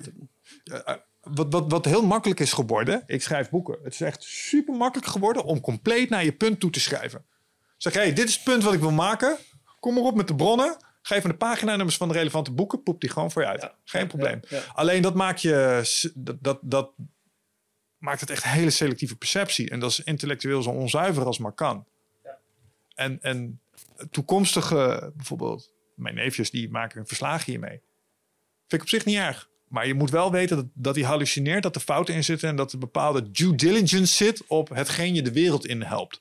En als je mensen daarmee helpt, ja, dan denk ik dat ze van schroeven draaien naar boormachines zijn gegaan, maar dan is het nog steeds oké. Ja, ja, maar dat is dus een hele nieuwe manier van werken waar we allemaal mee te maken krijgen. Net zoals de computer dat eigenlijk ook was. En dat inderdaad, dat vereist nogal wat. En dat vereist dus ook een, um, ja, zo kunnen zeggen, een beetje politieke term, maar een stip op de horizon. Een beeld van waar we dan met z'n allen heen willen. Ja. En dat beeld kan niet alleen maar zijn nog meer produceren, nog meer werken, uh, hè, nog meer, nog meer e-, e economische groei. Ja, dat, dat lukt wel, zeg maar. Dat lukte eerst al met machines en met computers en nu met AI hebben we daar weer een stap in gezet. Maar wat willen we daarbuiten? Wat willen we als mensen uh, voor leven leiden? Wat vinden we belangrijk? Ja. Als we die vragen kunnen beantwoorden, en dit is volgens mij ook jouw frustratie, in, uh, in als ik het goed hoor, in de politieke arena, die ik zeker met je deel. Als we die vraag nou eens zouden gaan beantwoorden, dan weten we ook wat voor technologie moeten ontwikkelen om daar te komen. Ja, en, en kijk, als je dan nog even naar het huidige politieke systeem kijkt, een van de problemen zijn de korte cycli die we telkens doorlopen. Het is telkens voor de volgende verkiezing moet je nu bepaalde populistische dingen doen. Terwijl dat misschien helemaal niet nodig is als maatschappij. En dan kom ik terug op dat experiment wat ik had gerund. Een van de eerste dingen die het ging doen, was uh, meer waardigheid introduceren in de maatschappij door gelijkere verdeling van uh, resources. Dus iedereen boven een bepaald welvaartsniveau krijgen. Omdat uh, was het idee, dan krijgen mensen pas de mentale ruimte om na te denken over de toekomstproblematiek. Toen dacht ik, dit ding heeft theory of mind. Ja, ja. nou ja dit is dus, hij heeft het, het is dus toch als papegaai. Dus het heeft, het heeft het wel ergens vandaan gehaald natuurlijk. Mensen hebben dit bedacht. Ja, maar de, Tree of Logic heb ik ook gezien. Ja. Dat is een module binnen ChatGPT die hem wel in staat stelt om dit soort dingen voor zichzelf uit te ja, dokteren. Met, met de logica-regels. Ja, dit is geweldig, toch? Ik bedoel, ja, ja, Dus, dus ik, ik, ik moet denken aan een uh, citaat van uh, E.O. Wilson, Amerikaans bioloog. Die zegt, en die, die schetst volgens mij het probleem heel helder. Die zegt Uh, the problem with humanity is that we have neo-Paleolithic uh, brains. Uh, we have medieval institutions and we have godlike technology. Ja. Dus hoe wil je dat die in, in wat voor tuin moet die technologie groeien? Als we inderdaad te maken hebben met een politieke cyclus van vier jaar, archaïsche systemen. En dan daaronder nog het mensenbrein, wat puur emotioneel reageert. Wat helemaal niet zo rationeel zoals we altijd ons voordoen. Maar op de juiste momenten wel rationeel genoeg. Want dan verwijs ik ook wel eens naar nucleaire technologie. We hebben like vier keer op de vooravond van nucleaire holocaust gestaan. Maar omdat een paar mensen systemen niet vertrouwden. Dus die hadden, ja, het is leuk dat er staat dat Amerika gelanceerd heeft. Ik weet niet, kolonel Petrov was volgens mij een hm. Russisch meneer die heeft gezegd: druk niet op het knopje. Voelt niet goed. Ja. Uh, en daarmee zijn we toch uh, van de rand van de afgrond gegaan. Dus we hebben wel wat track record die zegt dat we er misschien iets mee kunnen. Maar wat jij zegt vind ik wel mooi. Dat, dat, dat zeg maar, uh, hoe zijn dat? Ne Neo-Paleolithic brain ja. en godlike technology. Ik hoorde dat een keer als uh, uh, vallende engel treft reizende aap. ja. Dus we zitten ergens in het midden, zeg maar. ja, ja, het prachtig beeld, toch? Ja, ja, maar wat ik helemaal mooi vind is het gevallen engelstukje. Is namelijk, we hebben de potentie tot zoveel, maar de gevangen engel is natuurlijk ook van het pad weggedwaald. Dus als je vraagt wat is de stip op de horizon, nou is oneindig consum consumeren echt de bedoeling. Zouden we misschien ook wel kunnen gaan nadenken over sustainable manieren van deze planeet op een bepaalde manier inrichten? Ah, ik denk ja, je, je, je, kan daar ook weer. Kijk, je kan het techno-optimistische pad nemen. En als je echt optimist bent, dan vind je Neuralink uh, van, van Elon Musk een heel goed idee. En uh, ik zeg niet dat ik in dit kamp zit, maar ik wil, ik wil even de advocaat van de duivel spelen. Um, misschien dat wij wel inderdaad als een soort reizende aap. Kijk, wij, wij, ons, ons, brein gaat niet veranderen. Wij, ons brein heeft, is, is, een, is een product van de, van de biologische evolutie. Gaat ontzettend traag, technologie gaat ontzettend snel. Misschien is een uitweg wel dat we onze breinen op andere manieren aan elkaar koppelen. En het internet was daar de eerste hoopvolle gedachte van. Maar misschien moet dat, die interface nog wel veel, zoals, eh, zoals Musk denkt, nog veel groter. Moeten we veel meer data throughput hebben om onze breinen met elkaar te verbinden. En moeten we ons brein wel verbinden aan een grote AI. Nou, Nee, nee, nee, ik vind het heel tof. Want Eén ik, is één was- pad, hè? Eén één pad waardoor we misschien wel, zeg maar, verlicht kunnen raken in die zin. Ander pad is doordat we minder willen. Doordat we beter weten en onszelf beter leren kennen. Beter weten wat wij zelf willen. En daardoor ook beter weten wat we maatschappelijk willen. En daar speelt technologie dan een veel bescheidenere rol in. Is Ja. technologie niet de oplossing, maar is het een, ehm, eh, een, een, een- nog steeds een middel om te bereiken wat we willen bereiken. Maar we bepalen zelf wat we willen bereiken. Dat is, het- dat is denk ik het tweede pad. Ik ben zelf, dat hoor je denk ik al een beetje aan mijn intonatie, wat meer een fan van dat tweede pad. Maar, maar dat, eh, ja, Ben je, ben je een gamer? eh, was ooit. Ja. Heb je Cyberpunk gespeeld? ja. Ik was transhumanist. Totdat ik Cyberpunk speelde. Ja. Heb je hem helemaal uitgespeeld? Nee, nee, nee. nee Oké. Oké. Veel tijd. Oké, nou ja, dan, dan, dan, ik, mag ik hem spoilen? ja, ga je gewoon. Oké. Ja. Aan het eind krijg je een keuze. Ehm, technologische onsterfelijkheid. Of in het lichaam wat je, waar je zit met kanker, sterven, eh, maar dan wel omringd door geliefden. En ik heb, ik heb hem gesaved en ik heb beide geprobeerd. De technologische onsterfelijkheid was niet tof. Dat was een soort eh, hellish existence met heel veel pijn en eh, het, het offeren van bepaalde dingen die je mens maakte. Ja. En dat was fucking dystopisch. Maar ik was eerder altijd van ja, nee, natuurlijk ga je koppelen met een, eh, met een mega AI. En toen de Neuralink kwam, toen dacht ik, ah, daar is hij dan. Want ja, natuurlijk gaan we hier eerst Ja. gehandicapten mee helpen. Maar dit wordt straks gewoon een rechtstreekse interface met Google. Dat snap ik ook wel. En eerder dacht ik, ja, dat moet je willen. Want inderdaad, het overwinnen van onze biologie en onze primitieve psychologie. Alleen ik ben zo bang dat we dat mede daardoor misschien ook wel weer zullen... Kijk, als ik nu superpowers zou hebben... Ken je The Boys, die serie? Ja. Ja, ja dan krijg je dat waarschijnlijk. Ja, ja. Dus eh, niet de, de, de goody two-shoes Superman heroes. Nee, je krijgt gewoon de gefaalde, zeg maar, me- mensen met, met fouten in hun psychologie, maar wel met supermacht. Dat is, dat is overigens denk ik de staat waar we nu een beetje in zitten. Hè? Dus het is niet zozeer de AI zelf die het risico vormt, maar eh, de, de krachtige technologie in de handen van individuen of, Ja. of, of, of een aantal bedrijven. Die met de beste intenties ter wereld eh, hun fouten daardoor laten uitvergroten. En daardoor toch heel veel eh, schade en eh, ellende veroorzaken. Mhm. Dat is iets wat we graag willen voorkomen. Oké, ehm, eh, genoeg over het, het, het, misschien het filosofische stuk. De enige vraag die ik er nog over wil stellen is... ehm, een van de dingen die ik er tof aan vind, tegelijkertijd die misschien ook nog wel de primitiviteit er een beetje suggereert, is dat bijvoorbeeld clubs als OpenAI nog kunnen meekijken naar hoe die systemen dingen doen en dingen kunnen corrigeren. Zo van, oh, we snappen een stukje van je black box. Dit doe je op deze manier. laat, laat me iets vertellen over relationele databases. Dit zou je ook zo kunnen doen. En dan kost het je like, eh, een miljoen minder aan compute. Dus er zitten nog allerlei optimalisaties in. Dat, dat vinden zij fijn, omdat ze daarmee eh, kunnen laten zien. De groei is nog fenomenaal. Dus hij vraagt nu heel veel compute. Dat lijkt een beetje de bottleneck te zijn op dit moment. Dus de rekenkracht. Maar het doet dingen ook gruwelijk efficiënt. Dus we kunnen hem enerzijds nog veel efficiënter maken. Maar anderzijds, we kunnen met compute. Dat is laatst een mooie quantum computer is er online gegaan. Die kon iets in like 15 seconden, waar we normaal 45 jaar eh, voor nodig hadden. Dus er komt meer rekenkracht aan. Als jij vanuit je expertise een voorspelling kunt doen over wat voor een impact dat heeft op die technologie. Dus je maakt het en efficiënter en je geeft het meer rekenkracht. Wat is dan een, een aan zekerheid grenzend, een aan zekerheid grenzend scenario? Als dat zo is, dan Ja. zou ik zeggen dat decentralisatie een aan zekerheid grenzend scenario is. Dat wil zeggen dat eh, dit soort modellen dus eh, eh, op je telefoon gaan draaien. Of eh, thuis in je, in je garage heb je een aantal GPU's staan. En dan hoef je dus niet meer een, een service af te nemen uit de cloud of bij een aantal grote techbedrijven. Maar dan, dan is dit gewoon allemaal open source, on-premise.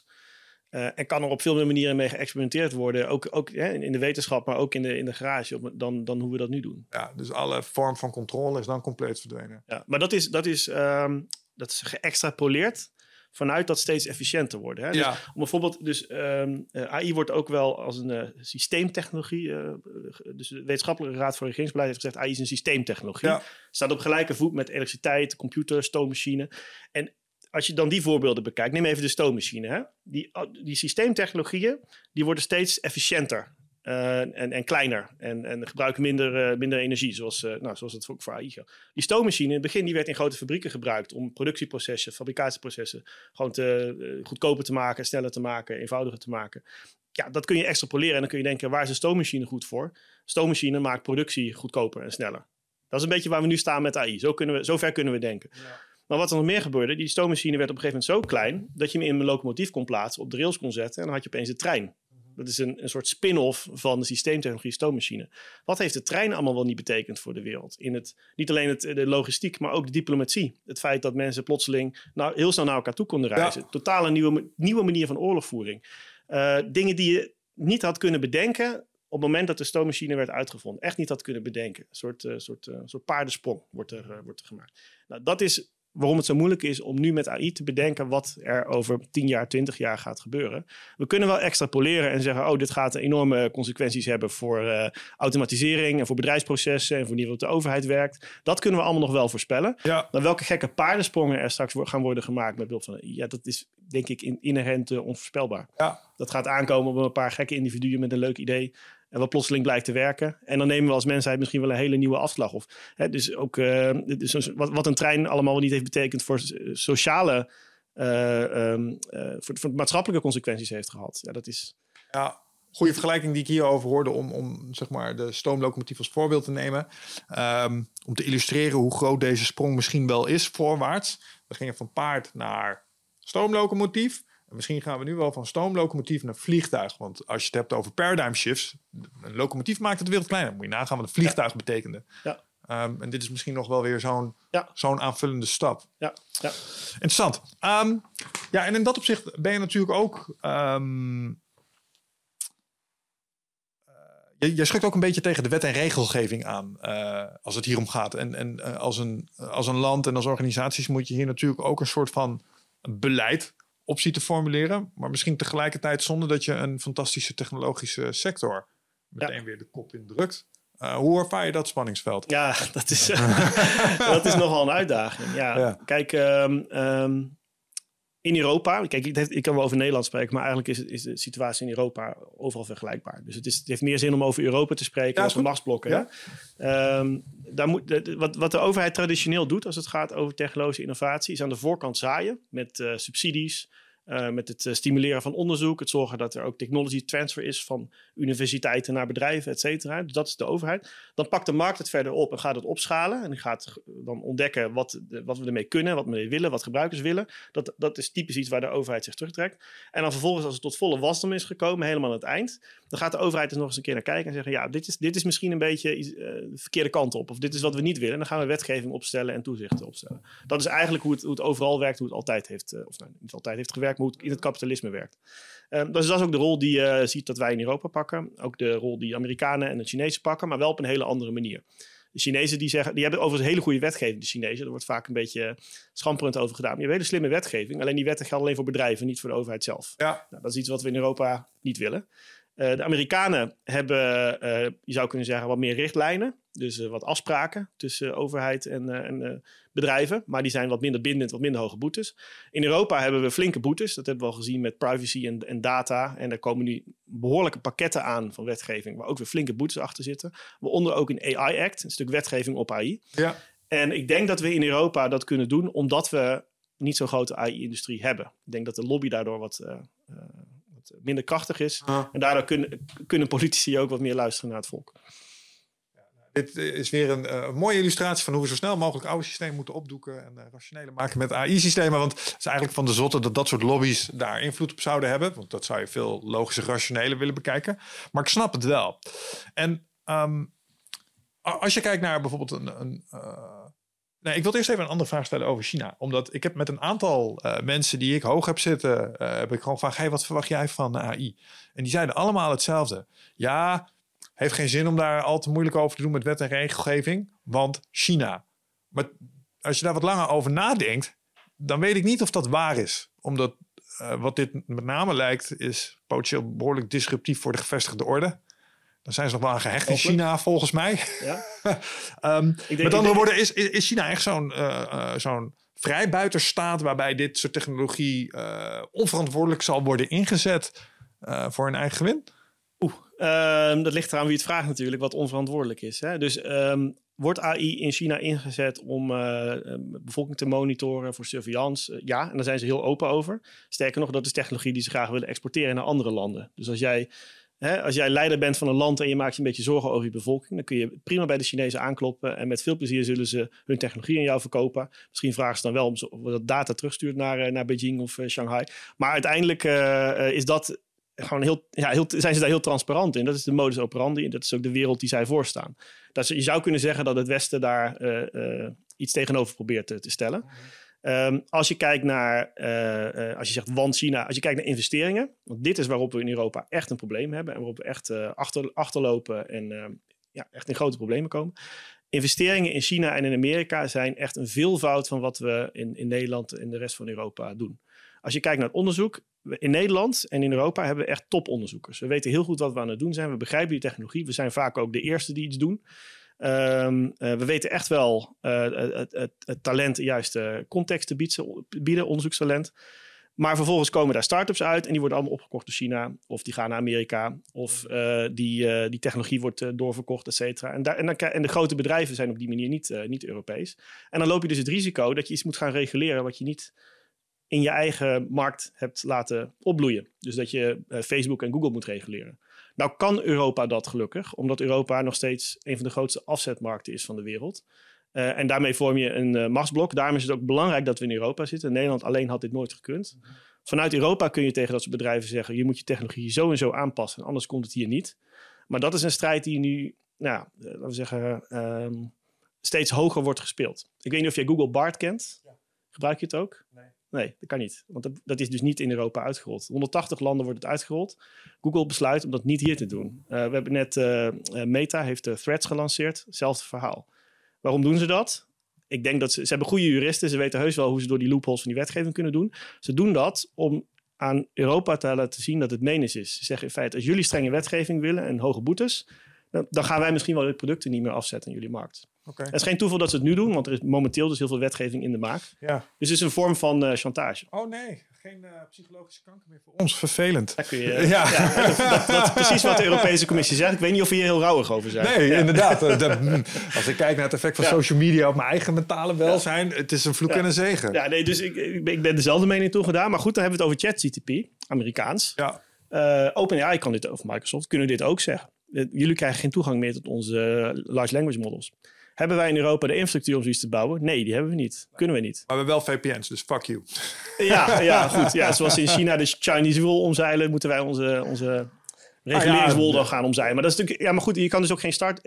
Er zijn nu heel veel startups bezig uh, op, op, op basis van, van ChatGTP om een, om een product uit te bouwen. Ja, ja. En ik denk dat dat een heel goed idee is, want je kan hier uh, de markt uh, mee wegvagen. Maar je moet je wel bewust zijn van de afhankelijkheid. Als OpenAI een klop omzet, ben je weg. Nee, ja, nee, jijn. Um, ik ben exact dit aan het doen ik ben een workflow. Uh, ik heb een boek geschreven, Get Shit Together. Dat is een bepaalde workflow van doelen organiseren, takenlijsten, projectlijsten. En uh, een, de, een, van de dingen waar de mensen het meest tegen aanlopen is bedenken hoe ze dingen formuleren. Dus uh, je hebt een gewenste uitkomst en hoe maak ik dit nou op een manier duidelijk voor mij in taal? Ja. en hoe hak ik dit in overzichtelijke mijlpalen? En hoe bedenk ik eerste acties? Als je het hebt over creativiteit, is AI echt geniaal in. Ja. En ik gebruik daar de GPT-4 API voor. Ja. Dus als uh, OpenAI zegt uh, Europa, jammer joh. Dan uh, is een van de primaire fundamenten van mijn applicatie op dit moment is gewoon gone. Ja, ja lang leven. Risico. Ja, ja, lang leven open source models. Het eerste wat er bij ons op de feature list kwam is: kom, we gaan zelf een LLM gaan we neerzetten. Die gaan we trainen en we gaan proberen om heel specifiek voor dit stuk gaan we die zo snel mogelijk op de park krijgen. Want we kunnen heel narrow natuurlijk gaan. Hè? Ik bedoel, ik hoef hem geen Persisch of programmeren te leren. hij moet alleen doelen in stukjes kunnen hakken. Ja. Nou, en daar kan ik hem wat logica-regels voor geven, zodat ik zo snel mogelijk die afhankelijk en misschien ook wat kostenplaatje kwijt ben. Ja. Want elke keer dat ik een, een query stuur, ga ik een aantal tokens afrekenen. Dat is nu nog overzichtelijk. Maar als ik straks 10.000 concurrent users heb, dan wordt dat een ander verhaal. Dus hoe eerder ik iets heb wat uh, misschien kostefficiënter kan draaien, hoe beter. Dus misschien, misschien dwingt het ons ook wel om, uh, want ik ben een ondernemer, dus ik denk dan meteen zo. Oh ja, zullen we wel zien dan? Ik kan natuurlijk zelf ook zo'n ding maken. Dus, dus ja, ik, ik ja, precies, precies dit. Ja. nee, en het is, uh, goed, is uh, heel goed, deze strategie. Ja. Ik, uh, hè, niks op aan te merken. De, de gesprekken die ik de afgelopen maanden en ook zeker de komende half jaar in Brussel ga hebben, gaan precies hierover. Kunnen wij als Europa hier iets tegenover stellen? Is dit misschien wel een kans?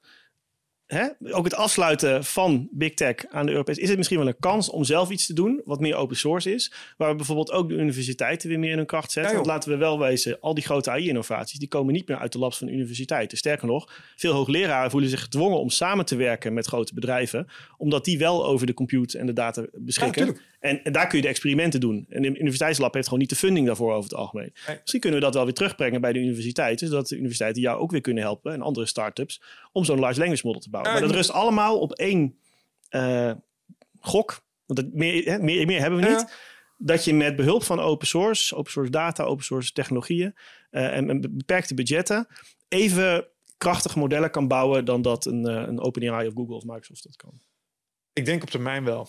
Want als ik kijk hoe dat nu werkt, is. eh, dus, eh, ik weet, ken je de open source scene een eh, klein beetje? Beetje. Ja, Pile. Orca en dat Ja, soort ja, dingen. Er- zijn best wel veel trainingsmodellen beschikbaar en datamodellen die je er gewoon aan kan toevoegen, omdat de open source community, ja, die bestaat niet zomaar. En die zagen, die, ik bedoel, dat is waarom ze bestaan, om dit soort marktwerkingen eh, open te breken. Ja, maar de, de open source is ook de afgelopen tien jaar enorm gevoed door eh, bedrijven als Google. Ik bedoel, die hebben een, een werk, eh, niet al hun modellen, zeker de laatste tijd niet. Ja.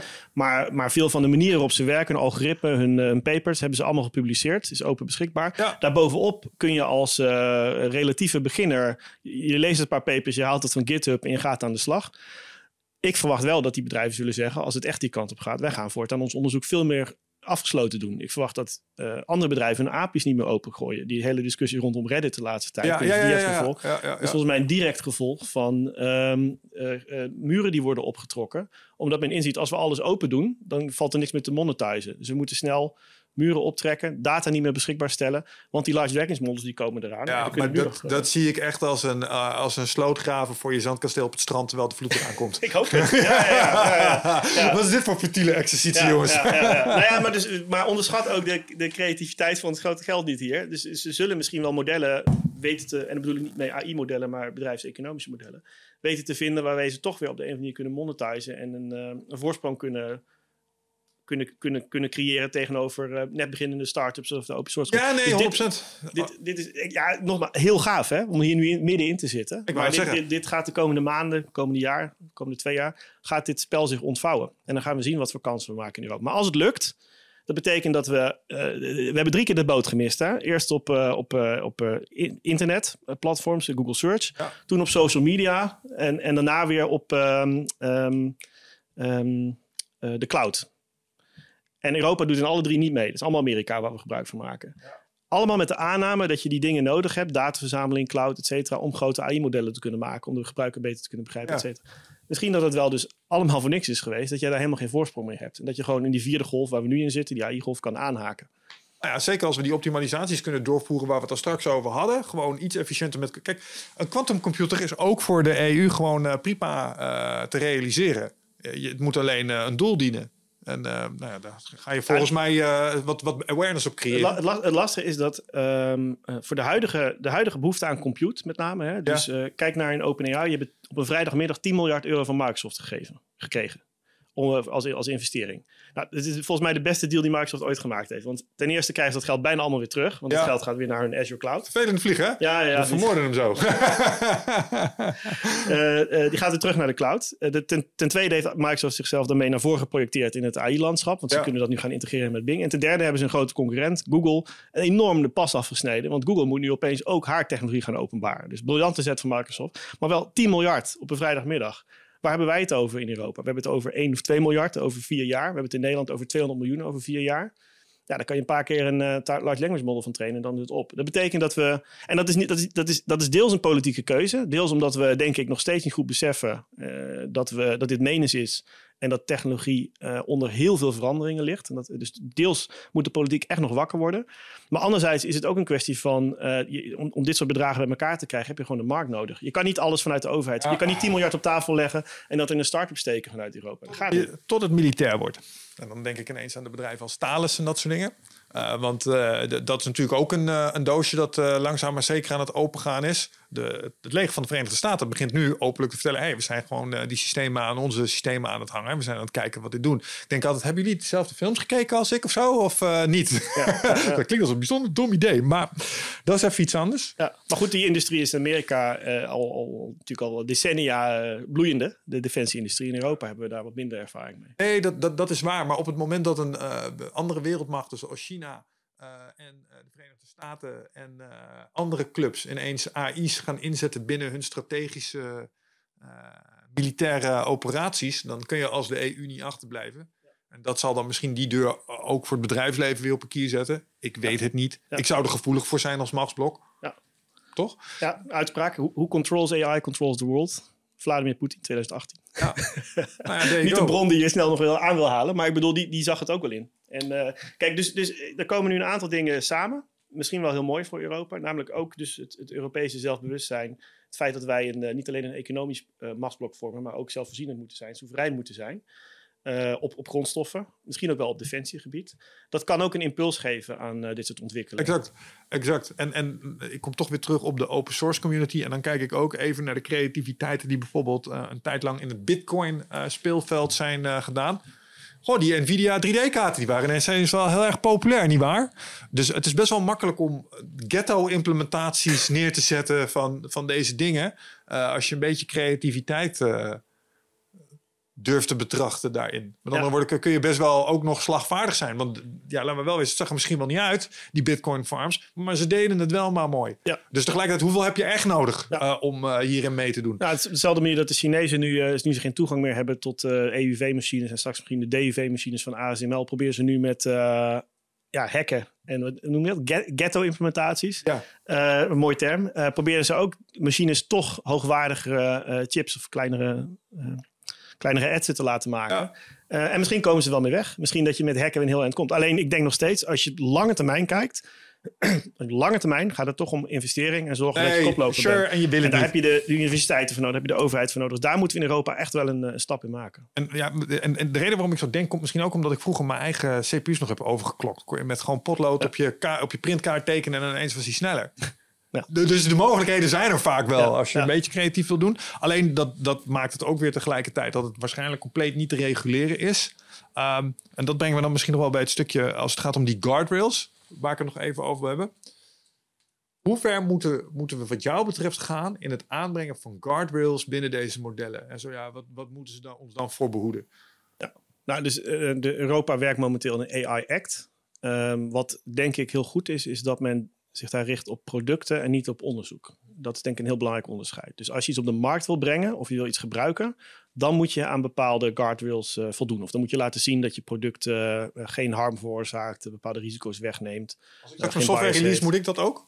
Als jij, uh, ja, ja, ja, oh, ja. Goed ja, zeker goed. Ja. Dus die wet gaat, naar alle waarschijnlijkheid, wordt daar eind van het jaar, begin van het volgend jaar over gestemd politieke cyclus in Brussel die eindigt in uh, maart volgend jaar, mei volgend jaar bij de verkiezingen. Dus men wil dat voordat uh, ja. hè, de nieuwe kabinet komt, zeg maar, wil men uh, dit doorhebben, verwacht ik. En dat betekent, dan heb je nog een periode waarin even geen boetes worden uitgedeeld van, van zeg een jaar of twee. Maar dat betekent dat in 2025, 26 de eerste boetes al kunnen worden uitgedeeld. Dus je moet hier, als je nu aan een AI-product werkt of je neemt een AI-product af, kan het geen kwaad om vast te verkennen hoe gaan die regels eruit zien. Ja, heel goed. En voldoe ik hieraan. Ja.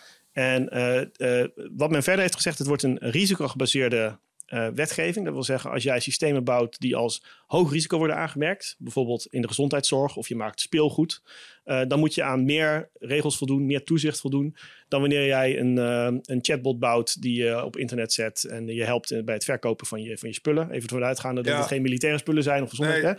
Maar dus, dus dan hoef je minder poortjes doorheen. En er zijn ook bepaalde producten, zoals het subliminaal beïnvloeden met behulp van AI. Of het uh, social credit systemen, die we een beetje kennen uit China. Ja. Die zijn verboden. Dus die mag je niet gebruiken okay. in Europa. Ja. Wow. AI en speelgoed. Dat is echt een Black Mirror aflevering die wacht om plaats te vinden. Volgens mij is die er al. Ja, ja. zou me niks verbazen. Ja, ja, het was niet de bedoeling dat het een voorspellende documentaire zou worden, jongens. Oké, okay. um, maar die guardrails zijn duidelijk. Um, ik, ik wil het ook nog heel eventjes met je hebben over... Um, de eerste keer toen, toen Google zei, we have no mode, dacht ik dat ze iets heel anders bedoelden. Oh. Namelijk, um, als je kijkt naar, uh, heet je film ook weer met Johnny Depp, dat, ze, dat AI-systeem uh, de wereld overneemt. Dan, dan doen ze dat midden in een mm. woestijn, mm. afgesloten van het internet, uh, met één menselijke interface. Dus. En ik dacht altijd dat dat is wat ze bedoelden met een mode om je, ja, ja. om je systeem, zodat het veilig... Om het binnen te houden. Ja. ja. Vind je niet dat sommige van die misschien niet GPT-4, maar alles wat daarboven komt, misschien toch in beter geïsoleerde omgevingen moet worden ontwikkeld als alleen een gebruikerswachtnaam, uh, de gebruikersnaam-wachtwoord combinatie.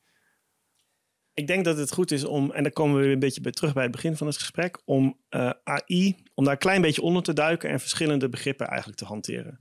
Dus machine learning is denk ik een begrip en AGI is een ander begrip en sentient AI is weer een ander begrip. Ja. Ik denk als we het hebben over machine learning, nee, machine learning is een tool. Uh, ik vind ik, ik, bedoel, je, je kan zeggen, moet, uh, moet een, een machine learning AI toegang hebben tot het internet, want dan kan hij alles lezen en ook science fiction lezen, et cetera. Dat staat zo ver af van een, een, een AI zoals in die film die jij, die jij aanhaalt, of in de Terminator of de Matrix.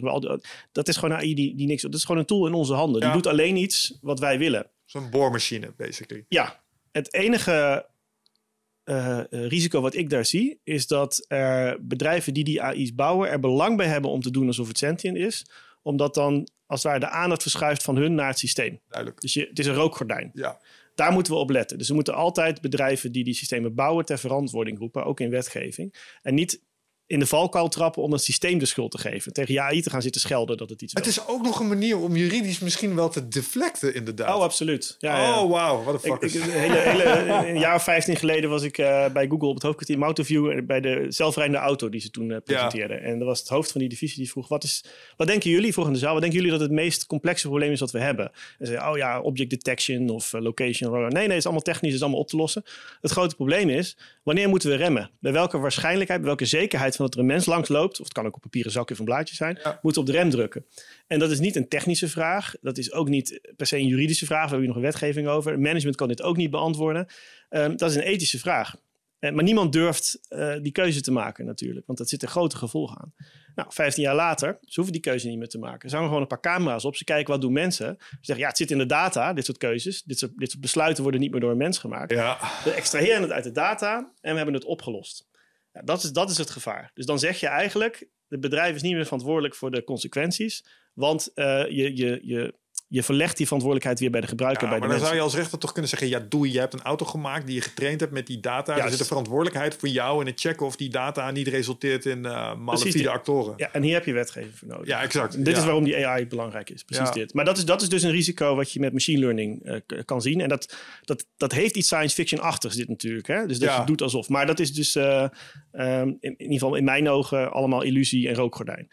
Als je het hebt over AGI of sentient AI, ik denk dat het zeker goed is om die discussie, om daarmee door te gaan en ook te oriënteren. En misschien al zelfs na te denken, zoals uh, uh, Nick Bostrom en, en, en companen allemaal doen. Na te denken over scenario's. Want ja, misschien is het wel zo dat op het moment dat je een AGI hebt, dat het te laat is. Dat je, dat je niet ja. meer kan outsmarten. Ik vind dat geen gek idee. Maar wel te beseffen, dit is niet de AI die we nu hebben. Dat is een heel ander soort AI. Ik vermoed zelf dat je niet met een computer te maken hebt, met een ander stuk hardware. Het zal ook geen quantumcomputer zijn, vermoed ik, maar weer iets heel anders ik denk wel dat we dit komende honderd jaar gaan bouwen hoor. Begrijp, begrijp me niet verkeerd. Ik Aha. geloof daar wel in. Alleen het is een ander pad dan waar we nu op zitten. Akkoord. En, en wat, wat uh, Bostrom en, uh, en OpenAI, uh, Sam Altman en zo doen, is zij gebruiken deze machine learning hype om hun verhaal te verkondigen over die andere problemen. En dat is op korte termijn misschien een goed idee, want je, je zwengelt daarmee de discussie aan. Maar op lange termijn voelen mensen zich bedrogen en zal dat leiden tot minder aandacht voor die problemen. Dat is het risico. Is, is het, maar is het ook niet een mogelijkheid dat, kijk, als je kijkt wat deze LLM's doen hè, in, in mogelijkheden van uh, onderzoek, uh, voortgang boeken, uh, is het ook niet denkbaar dat dit een soort bootstrapper is waarmee we dat ding in ieder geval versneld kunnen maken als we zouden willen. Want ja. wat ik wel ja. mooi vind aan de discussie is dat we nu ons ook de vraag kunnen afstellen: willen wij überhaupt een AGI? Ja. En, en, en, en, en om nog maar te zwijgen over een sentient. Ja. Dus is, is, is, is de huidige AI, is machine learning misschien wel een opstap naar AGI of naar sentient AI? Dat is een interessante vraag. Ik denk niet dat we die echt kunnen beantwoorden, want daarvoor zijn die begrippen als uh, AGI en sentient zijn nog te vaag. Um, als je terugkijkt, heb je reden om te denken van wel. Dus als je die systeemtechnologie bekijkt, wat die stoommachine, elektriciteit, ja. computer, uh, uh, internet, uh, AI. Ja, wat is het, wat is het thema? Het is een trap. Het is een stack. Dus je, je, je, je bouwt AI op basis van internetdata. Je bouwt het op computers. Die computers gebruiken elektriciteit, et cetera. Dus als je die stack, als je hierin gelooft, dan zou je kunnen zeggen dat daar dus weer de volgende systeemtechnologie, en misschien is dat wel AGI of Sentience, whatever, gebruik maakt van AI. Is het redelijk om te zeggen dat de lengte van de treden als het een trap is korter worden? Dus uh, tussen de Sneller. stoom, ja, dus Ja. tussen de stoommachine en de eerste locomotief zat misschien meer tijd als tussen ehm, nou ja, eh, opvolgende systemen. En misschien worden die, die iteraties die nodig zijn om tot de volgende trede te gaan ook wel steeds korter. Ja, die, eh, die, ja, dus ik zou dit nogmaals, dit is eh, meer intuïtief. Dit is niet wetenschappelijk wat ik hier zeg. Hè? Dus ik kan het niet, niet hard maken of bewijzen. Maar die intuïtie heb ik ook, dat het dus doorbouwt en dat het steeds sneller gaat. Ja. Dus, eh, maar je zou wel zeggen dat op dit moment eh, clubs als OpenAI of eventueel andere clubs verplichten om hun systemen. Ik zou denken, oh, als dit echt een risico is wat je gelooft, waarom zit je niet midden in de Sahara te ontwikkelen, zeg maar, zonder internetverbinding? Want uh, snap je? Ja, want, ja. want, uh, want dat, Ja, het is zijn, het zijn dus de mensen, of de, ja, letterlijk de mensen, maar de bedrijven die het hardst roepen: we moeten dit reguleren. Dus Sam Altman zit de ene dag in de Amerikaanse Senaat te roepen: we moeten dit reguleren. De volgende dag zit hij in Brussel bij de Europese Commissie te roepen: stop met je regulering, want je helpt de industrie kapot. En in een podcast in Lex, tegen Lex Friedman zegt hij: uh, dit is een heel groot risico. En de volgende dag gaat hij het zelf zitten bouwen. En dat gaat ook voor Elon Musk en Google en al. En dat is dit de, is een spel. Exact, ja. Ja, dus dat, ja. dat geeft je inderdaad Ja. wel enige informatie. Nou goed, kijk. Ergens snap ik dat. Want je, je beweegt natuurlijk in een bepaalde context. Aan de andere kant, ja, je, als je Lex Fridman podcast kent, da- daar zitten ook mensen die niet direct eh, baat hebben bij eh, zeg maar de hele hype. Kijk, Sam Altman, die zal vast wel goed... Nou, hoewel hij zei in Kankers dat hij niet, eh, Nee. niet echt financieel eh, gewin hier had. Dus misschien is hij wel inderdaad een soort activist. Ja. Ik weet niet of dat hem nou enger maakt of niet. Maar dat is, dat is, dat is iets anders. Maar er zaten een paar mensen en die hadden niet een, een direct steek in het wel of niet eh, slagen van deze techniek. Deze waren er met name heel bang voor. En wat me toch aan het denken zette was... Want als zo'n AGI er in één keer is... en je zit aan tafel met iets wat een miljoen keer slimmer is als jij... Heb je daar wel eens over nagedacht, over hoe dat moet zijn? Weinig bij voorstellen. Ja. Ja, ik dus ook niet. Het is geen narcisme. Het is gewoon Nee, nee, maar ja, ja. ja, ja, ja. Dat is iets slimmer als ik, kom op. Nee, nee, nee. Maar ehm, dat is misschien ook wel het probleem. Omdat wij kunnen ons dat niet voor... Je kan een ander mens tegenover je hebben zitten en die kan slimmer zijn. Ja. Maar ergens, het is stil flesje, eh, hij bloedt nog steeds. Dus dat is ook een soort van geruststelling. maar stel je we voor je zit tegenover iets dat lijkt... Ik, ik heb, nou ja, de ervaring eh, omgekeerd heb ik wel met eh, een vlieg die. eh die, eh, Ik dacht dat ging zeggen studenten. Ik onthoud me van commentaar. Een vlieg die naar, naar binnen is gevlogen en het raam staat open. En je, je, je wil bijna zeggen, joh, als je nou eventjes links gaat en dan Ja, rechts. Dan, dan- ja, zo. Dus Ja. je denkt, hoe, hoe kun je dit niet zien? Je hebt toch ogen? Je hebt heel veel ogen, maar je ziet het niet. Nou, zo, zo kan ik me voorstellen dat er een hyperintelligent wezen is dat naar ons kijkt. En denkt, waarom maak je niet eventjes dit sprongetje, dit stapje? Sterker Ja. nog, ik, ik kan me wel voorstellen dat er, dat er paden zijn die leiden tot de doelen die we hebben, die we, die we niet zien. Ik denk dat dat eh, aan de lopende band gebeurt. In die zin zijn we, zijn we heel dom. Ik zie het ook in, de, wat ik al zei, in de, de- de- terugkomen in het eh, black box idee van AI. Dus ik vind de term black box misleidend. Want het suggereert dat er een soort eh, verflaagje omheen zit die er vanaf kan krabben. Hij is hartstikke transparant. We, we zijn gewoon te dom om het te begrijpen. Dus via dat soort metaforen en voorbeelden kun je je voorstellen dat er iets is wat veel intelligenter is. Aan de andere kant, ja, we hebben, we hebben nou eenmaal dit. We, bedoel, wij kennen alleen maar andere mensen die, die intelligent zijn. Dieren zijn, eh, zijn intelligent, hebben waarschijnlijk ook bewustzijn. Die hebben dan weer kleinere hersenen. Heb je dan hersenen nodig om intelligent en bewust te zijn? Ja, Ja. te weinig voorbeelden. Misschien is het goed als er een keer een UFO zou landen. Dan kunnen we iets vergelijken. Ja, ehm, ik heb een theorie. Ben je van de UFO's? Eh, ik vind het eh, leuke science fiction, maar veel verder dan dat gaat het niet. Ja, ik ook. Nee, nee. Maar ik kijk wel met heel veel belangstelling naar wat er momenteel allemaal eh, ge- gebeurt in de Verenigde Staten met congressional hearings. En Ja, dus ja. heel veel data wordt er weer gelekt Ja, en heerlijk. zo. Dat vind ik fantastisch om naar te kijken, die tic-tacs en zo. Ja. En, en, toen, en toen zag ik ergens een fantastisch idee, wat ik ergens ook wel een beetje verontrustend idee vond. Mij heb ik het daar met Paul Smit ook over gehad. Is dat, waarom zijn die gasten ineens zo fanatiek? Omdat ehm, ze in de gaten hebben dat we op het punt staan om een AGI online te brengen. En zij weten, omdat ze technologisch veel verder zijn dan ons, dat dat een verdomd slecht idee is. Net zoals dat ze eerder hebben ingegrepen op momenten dat we nucleair op het punt stonden om domme, domme dingen te doen. Dus dan de fabel van de UFO's. Ja. Misschien is dit wel hetzelfde. Of ze komen gewoon als een soort ramptoeristen nu kijken. Zeg maar, hier, hier ging het echt mis, weet je wel? Ja, ja, foto's maken. Ja, ja, ja, precies. Ja, Ja, ja. Ramptoeristen. Ja, heerlijk. Ja, leuk om over na te denken. Ik consumeer dat zoals ik. Ja. Nou, Black- je, zou, je, mag, je mag voor mij ook eh, de, de ChatGPT als een alien beschouwen. Als een alien intelligence. Er zijn, er zijn eh, erkende wetenschappers die het eigenlijk zo, eh, zo noemen. Dus het is een totaal ander type intelligentie dan dat wij hebben, maar ook een intelligentie. Een van de leukste prompts die ik hem ooit heb gegeven, wa- waarschijnlijk ook niet origineel, omdat het al 50.000 keer gedaan is, is ik heb hem gevraagd om te doen alsof hij twee buitenaardse antropologen was, die eh, het, zeg maar, het menselijke ras omschreven. Met, met alle gekke gedragingen die we hadden en zo. En dan vertellen ze daar echt superleuk over. Ehm, dus ja, wie weet. Wie weet. Misschien, misschien zijn die AI's wel de, de aliens. Misschien, misschien, is dat het. Misschien is dit hoe ze op aarde komen. Ja, nou ja, ik weet niet of je de Joe Rogan Experience kent. Ja. ja zijn stokpaardjes. Wij zijn de organ worlds of de, eh, de nee, de, de sex organs of the machine world. Dus wij zijn hier om AI, zeg Ja, maar, ja, te ja, laten ontstaan. Nou, breng we dan bij de laatste vraag. En, dan, en dan gaan we denk ik eh, afronden. Ehm, stel je voor, je moet eh, voor eh, de Verenigde Naties verschijnen. En ze stellen jou op de man af. we hebben hier een knop, we kunnen erop drukken. En dan gaat de AGI aan.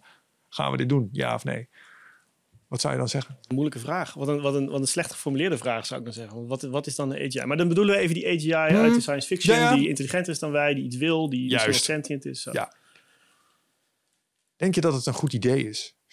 Ik denk voor ons mensen niet. Nee, nee ik denk het niet. Ik denk, ik denk dat wij ehm, eh, vastzitten in onze ehm, biologische geschiedenis. Ja. Met de intuïties die daarbij horen, met de manier van leven die daarbij hoort. Ik denk in die zin dat technologie ons kan supporten in een manier van leven die eh, aansluit bij onze intuïties, bij bij onze biologie. Daarin geloof ik in technologie. En het idee dat een technologie ehm, ons fundamenteel verandert, Neuralink. En, Ja, ja, ja. ja. eh, ja, ik, ik, ik zie niet in welk voorbeeld, voordeel we daarin hebben als mensen. Als mensheid en als, als menselijke individuen. Dus ik, mijn, mijn utopie is veel meer een technologie die in dienst staat van de dingen die we al willen. Dan, dat, dan meer het transhumanisme en de, de mensen zelf eh, veranderen. Ja, ja, want ik denk dat. Persoonlijke voorkeur, ik weet niet. in- ja. Ja, niet in de laatste plaats, omdat zodra zoiets zou bestaan, dan heb je als menselijk ras ook een afslag genomen. En je hebt ineens een tweedeling in je hele populatie zitten. Je hebt de mensen die wel Neuralink zijn en je hebt de mensen die niet Neuralink zijn. Dat, ja, ja. En je, je kan de consequenties niet overzien. Exact. Dus, dat, ehm, dus, dus in die zin lijkt het mij een heel rationeel argument om te zeggen: je drukt niet op die knop. Eh, want ehm, per definitie ben je dan eh, te dom om, eh, om, de, om te kunnen zien wat voor effecten dat heeft. Dus moet je, dan moet je dat niet doen. Tegelijkertijd is mijn nieuwsgierigheid, en ja, ik zou het graag vinden wat, voor wereld krijgen. Maar ik zou er liefst een film over zien, denk ik. Doe het. Ja, ja, gebeurt. ja. Dus, eh, Ah, kan je ja. waarschijnlijk wel vragen. Misschien, misschien een, eh, een, een, een UFO worden in een andere planeet en kijken hoe het daar ontvouwt en dan weer terugkeren naar je eigen planeet om het Ja. te Nou, misschien kunnen we dit simuleren in eh, zeg maar, complexe modellen die we dan onze quantumcomputer laten maken. En dan, dan zit je in de matrix. Zoiets. Ja. Fantastisch.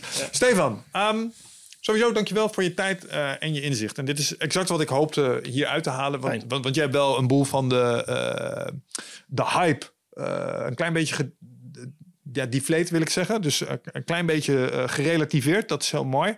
Maar tegelijkertijd zonder de verwondering over wat we hier aan het doen zijn te verliezen. Want ik, ik blijf erbij dat ik dit technologisch echt fascinerend vind. En dat we dit kunnen als mensen. Want we hebben een paar keer flink lopen bench- bashen op onze biologische evolutionaire psychologie. Ik vind het wel heel knap van de mensen die het doen. Ja, dat hebben we toch maar goed gedaan, hè? Dat bedoel ik. En dan heb jij eh, ook een bijdrage aangeleverd met jouw, eh, eh, jouw rol, onder andere als professor in artificial intelligence. Stel, mensen die willen graag meer van jou weten of misschien nog even contact met je hebben hierover. In wat voor een hoedanigheid dan ook. Hoe kunnen ze jou vinden? Het makkelijkste is op LinkedIn. Eh, Stefan Leijnen. Kun je me googlen. Ja. Of LinkedIn. En dan eh, even connecten. Ik neem alle uitnodigingen aan. Hartstikke leuk. En als je... eh, ik spreek ook vaak, bijna wekelijks, eh, geef ik lezingen of op events of voor bedrijven. Eh, dus dat eh, doe ik ook met veel plezier. Eh, en als je een idee hebt of mensen soms hebben een start-up of venture capital en die willen dat tegen me aanhouden, sta ik ook altijd eh, voor open. Dus, eh, op allerlei manieren. Te gek. Ehm, luisteraars, bedankt weer voor de aandacht. Stefan, tof dat je er was. En tot de volgende keer. Ciao.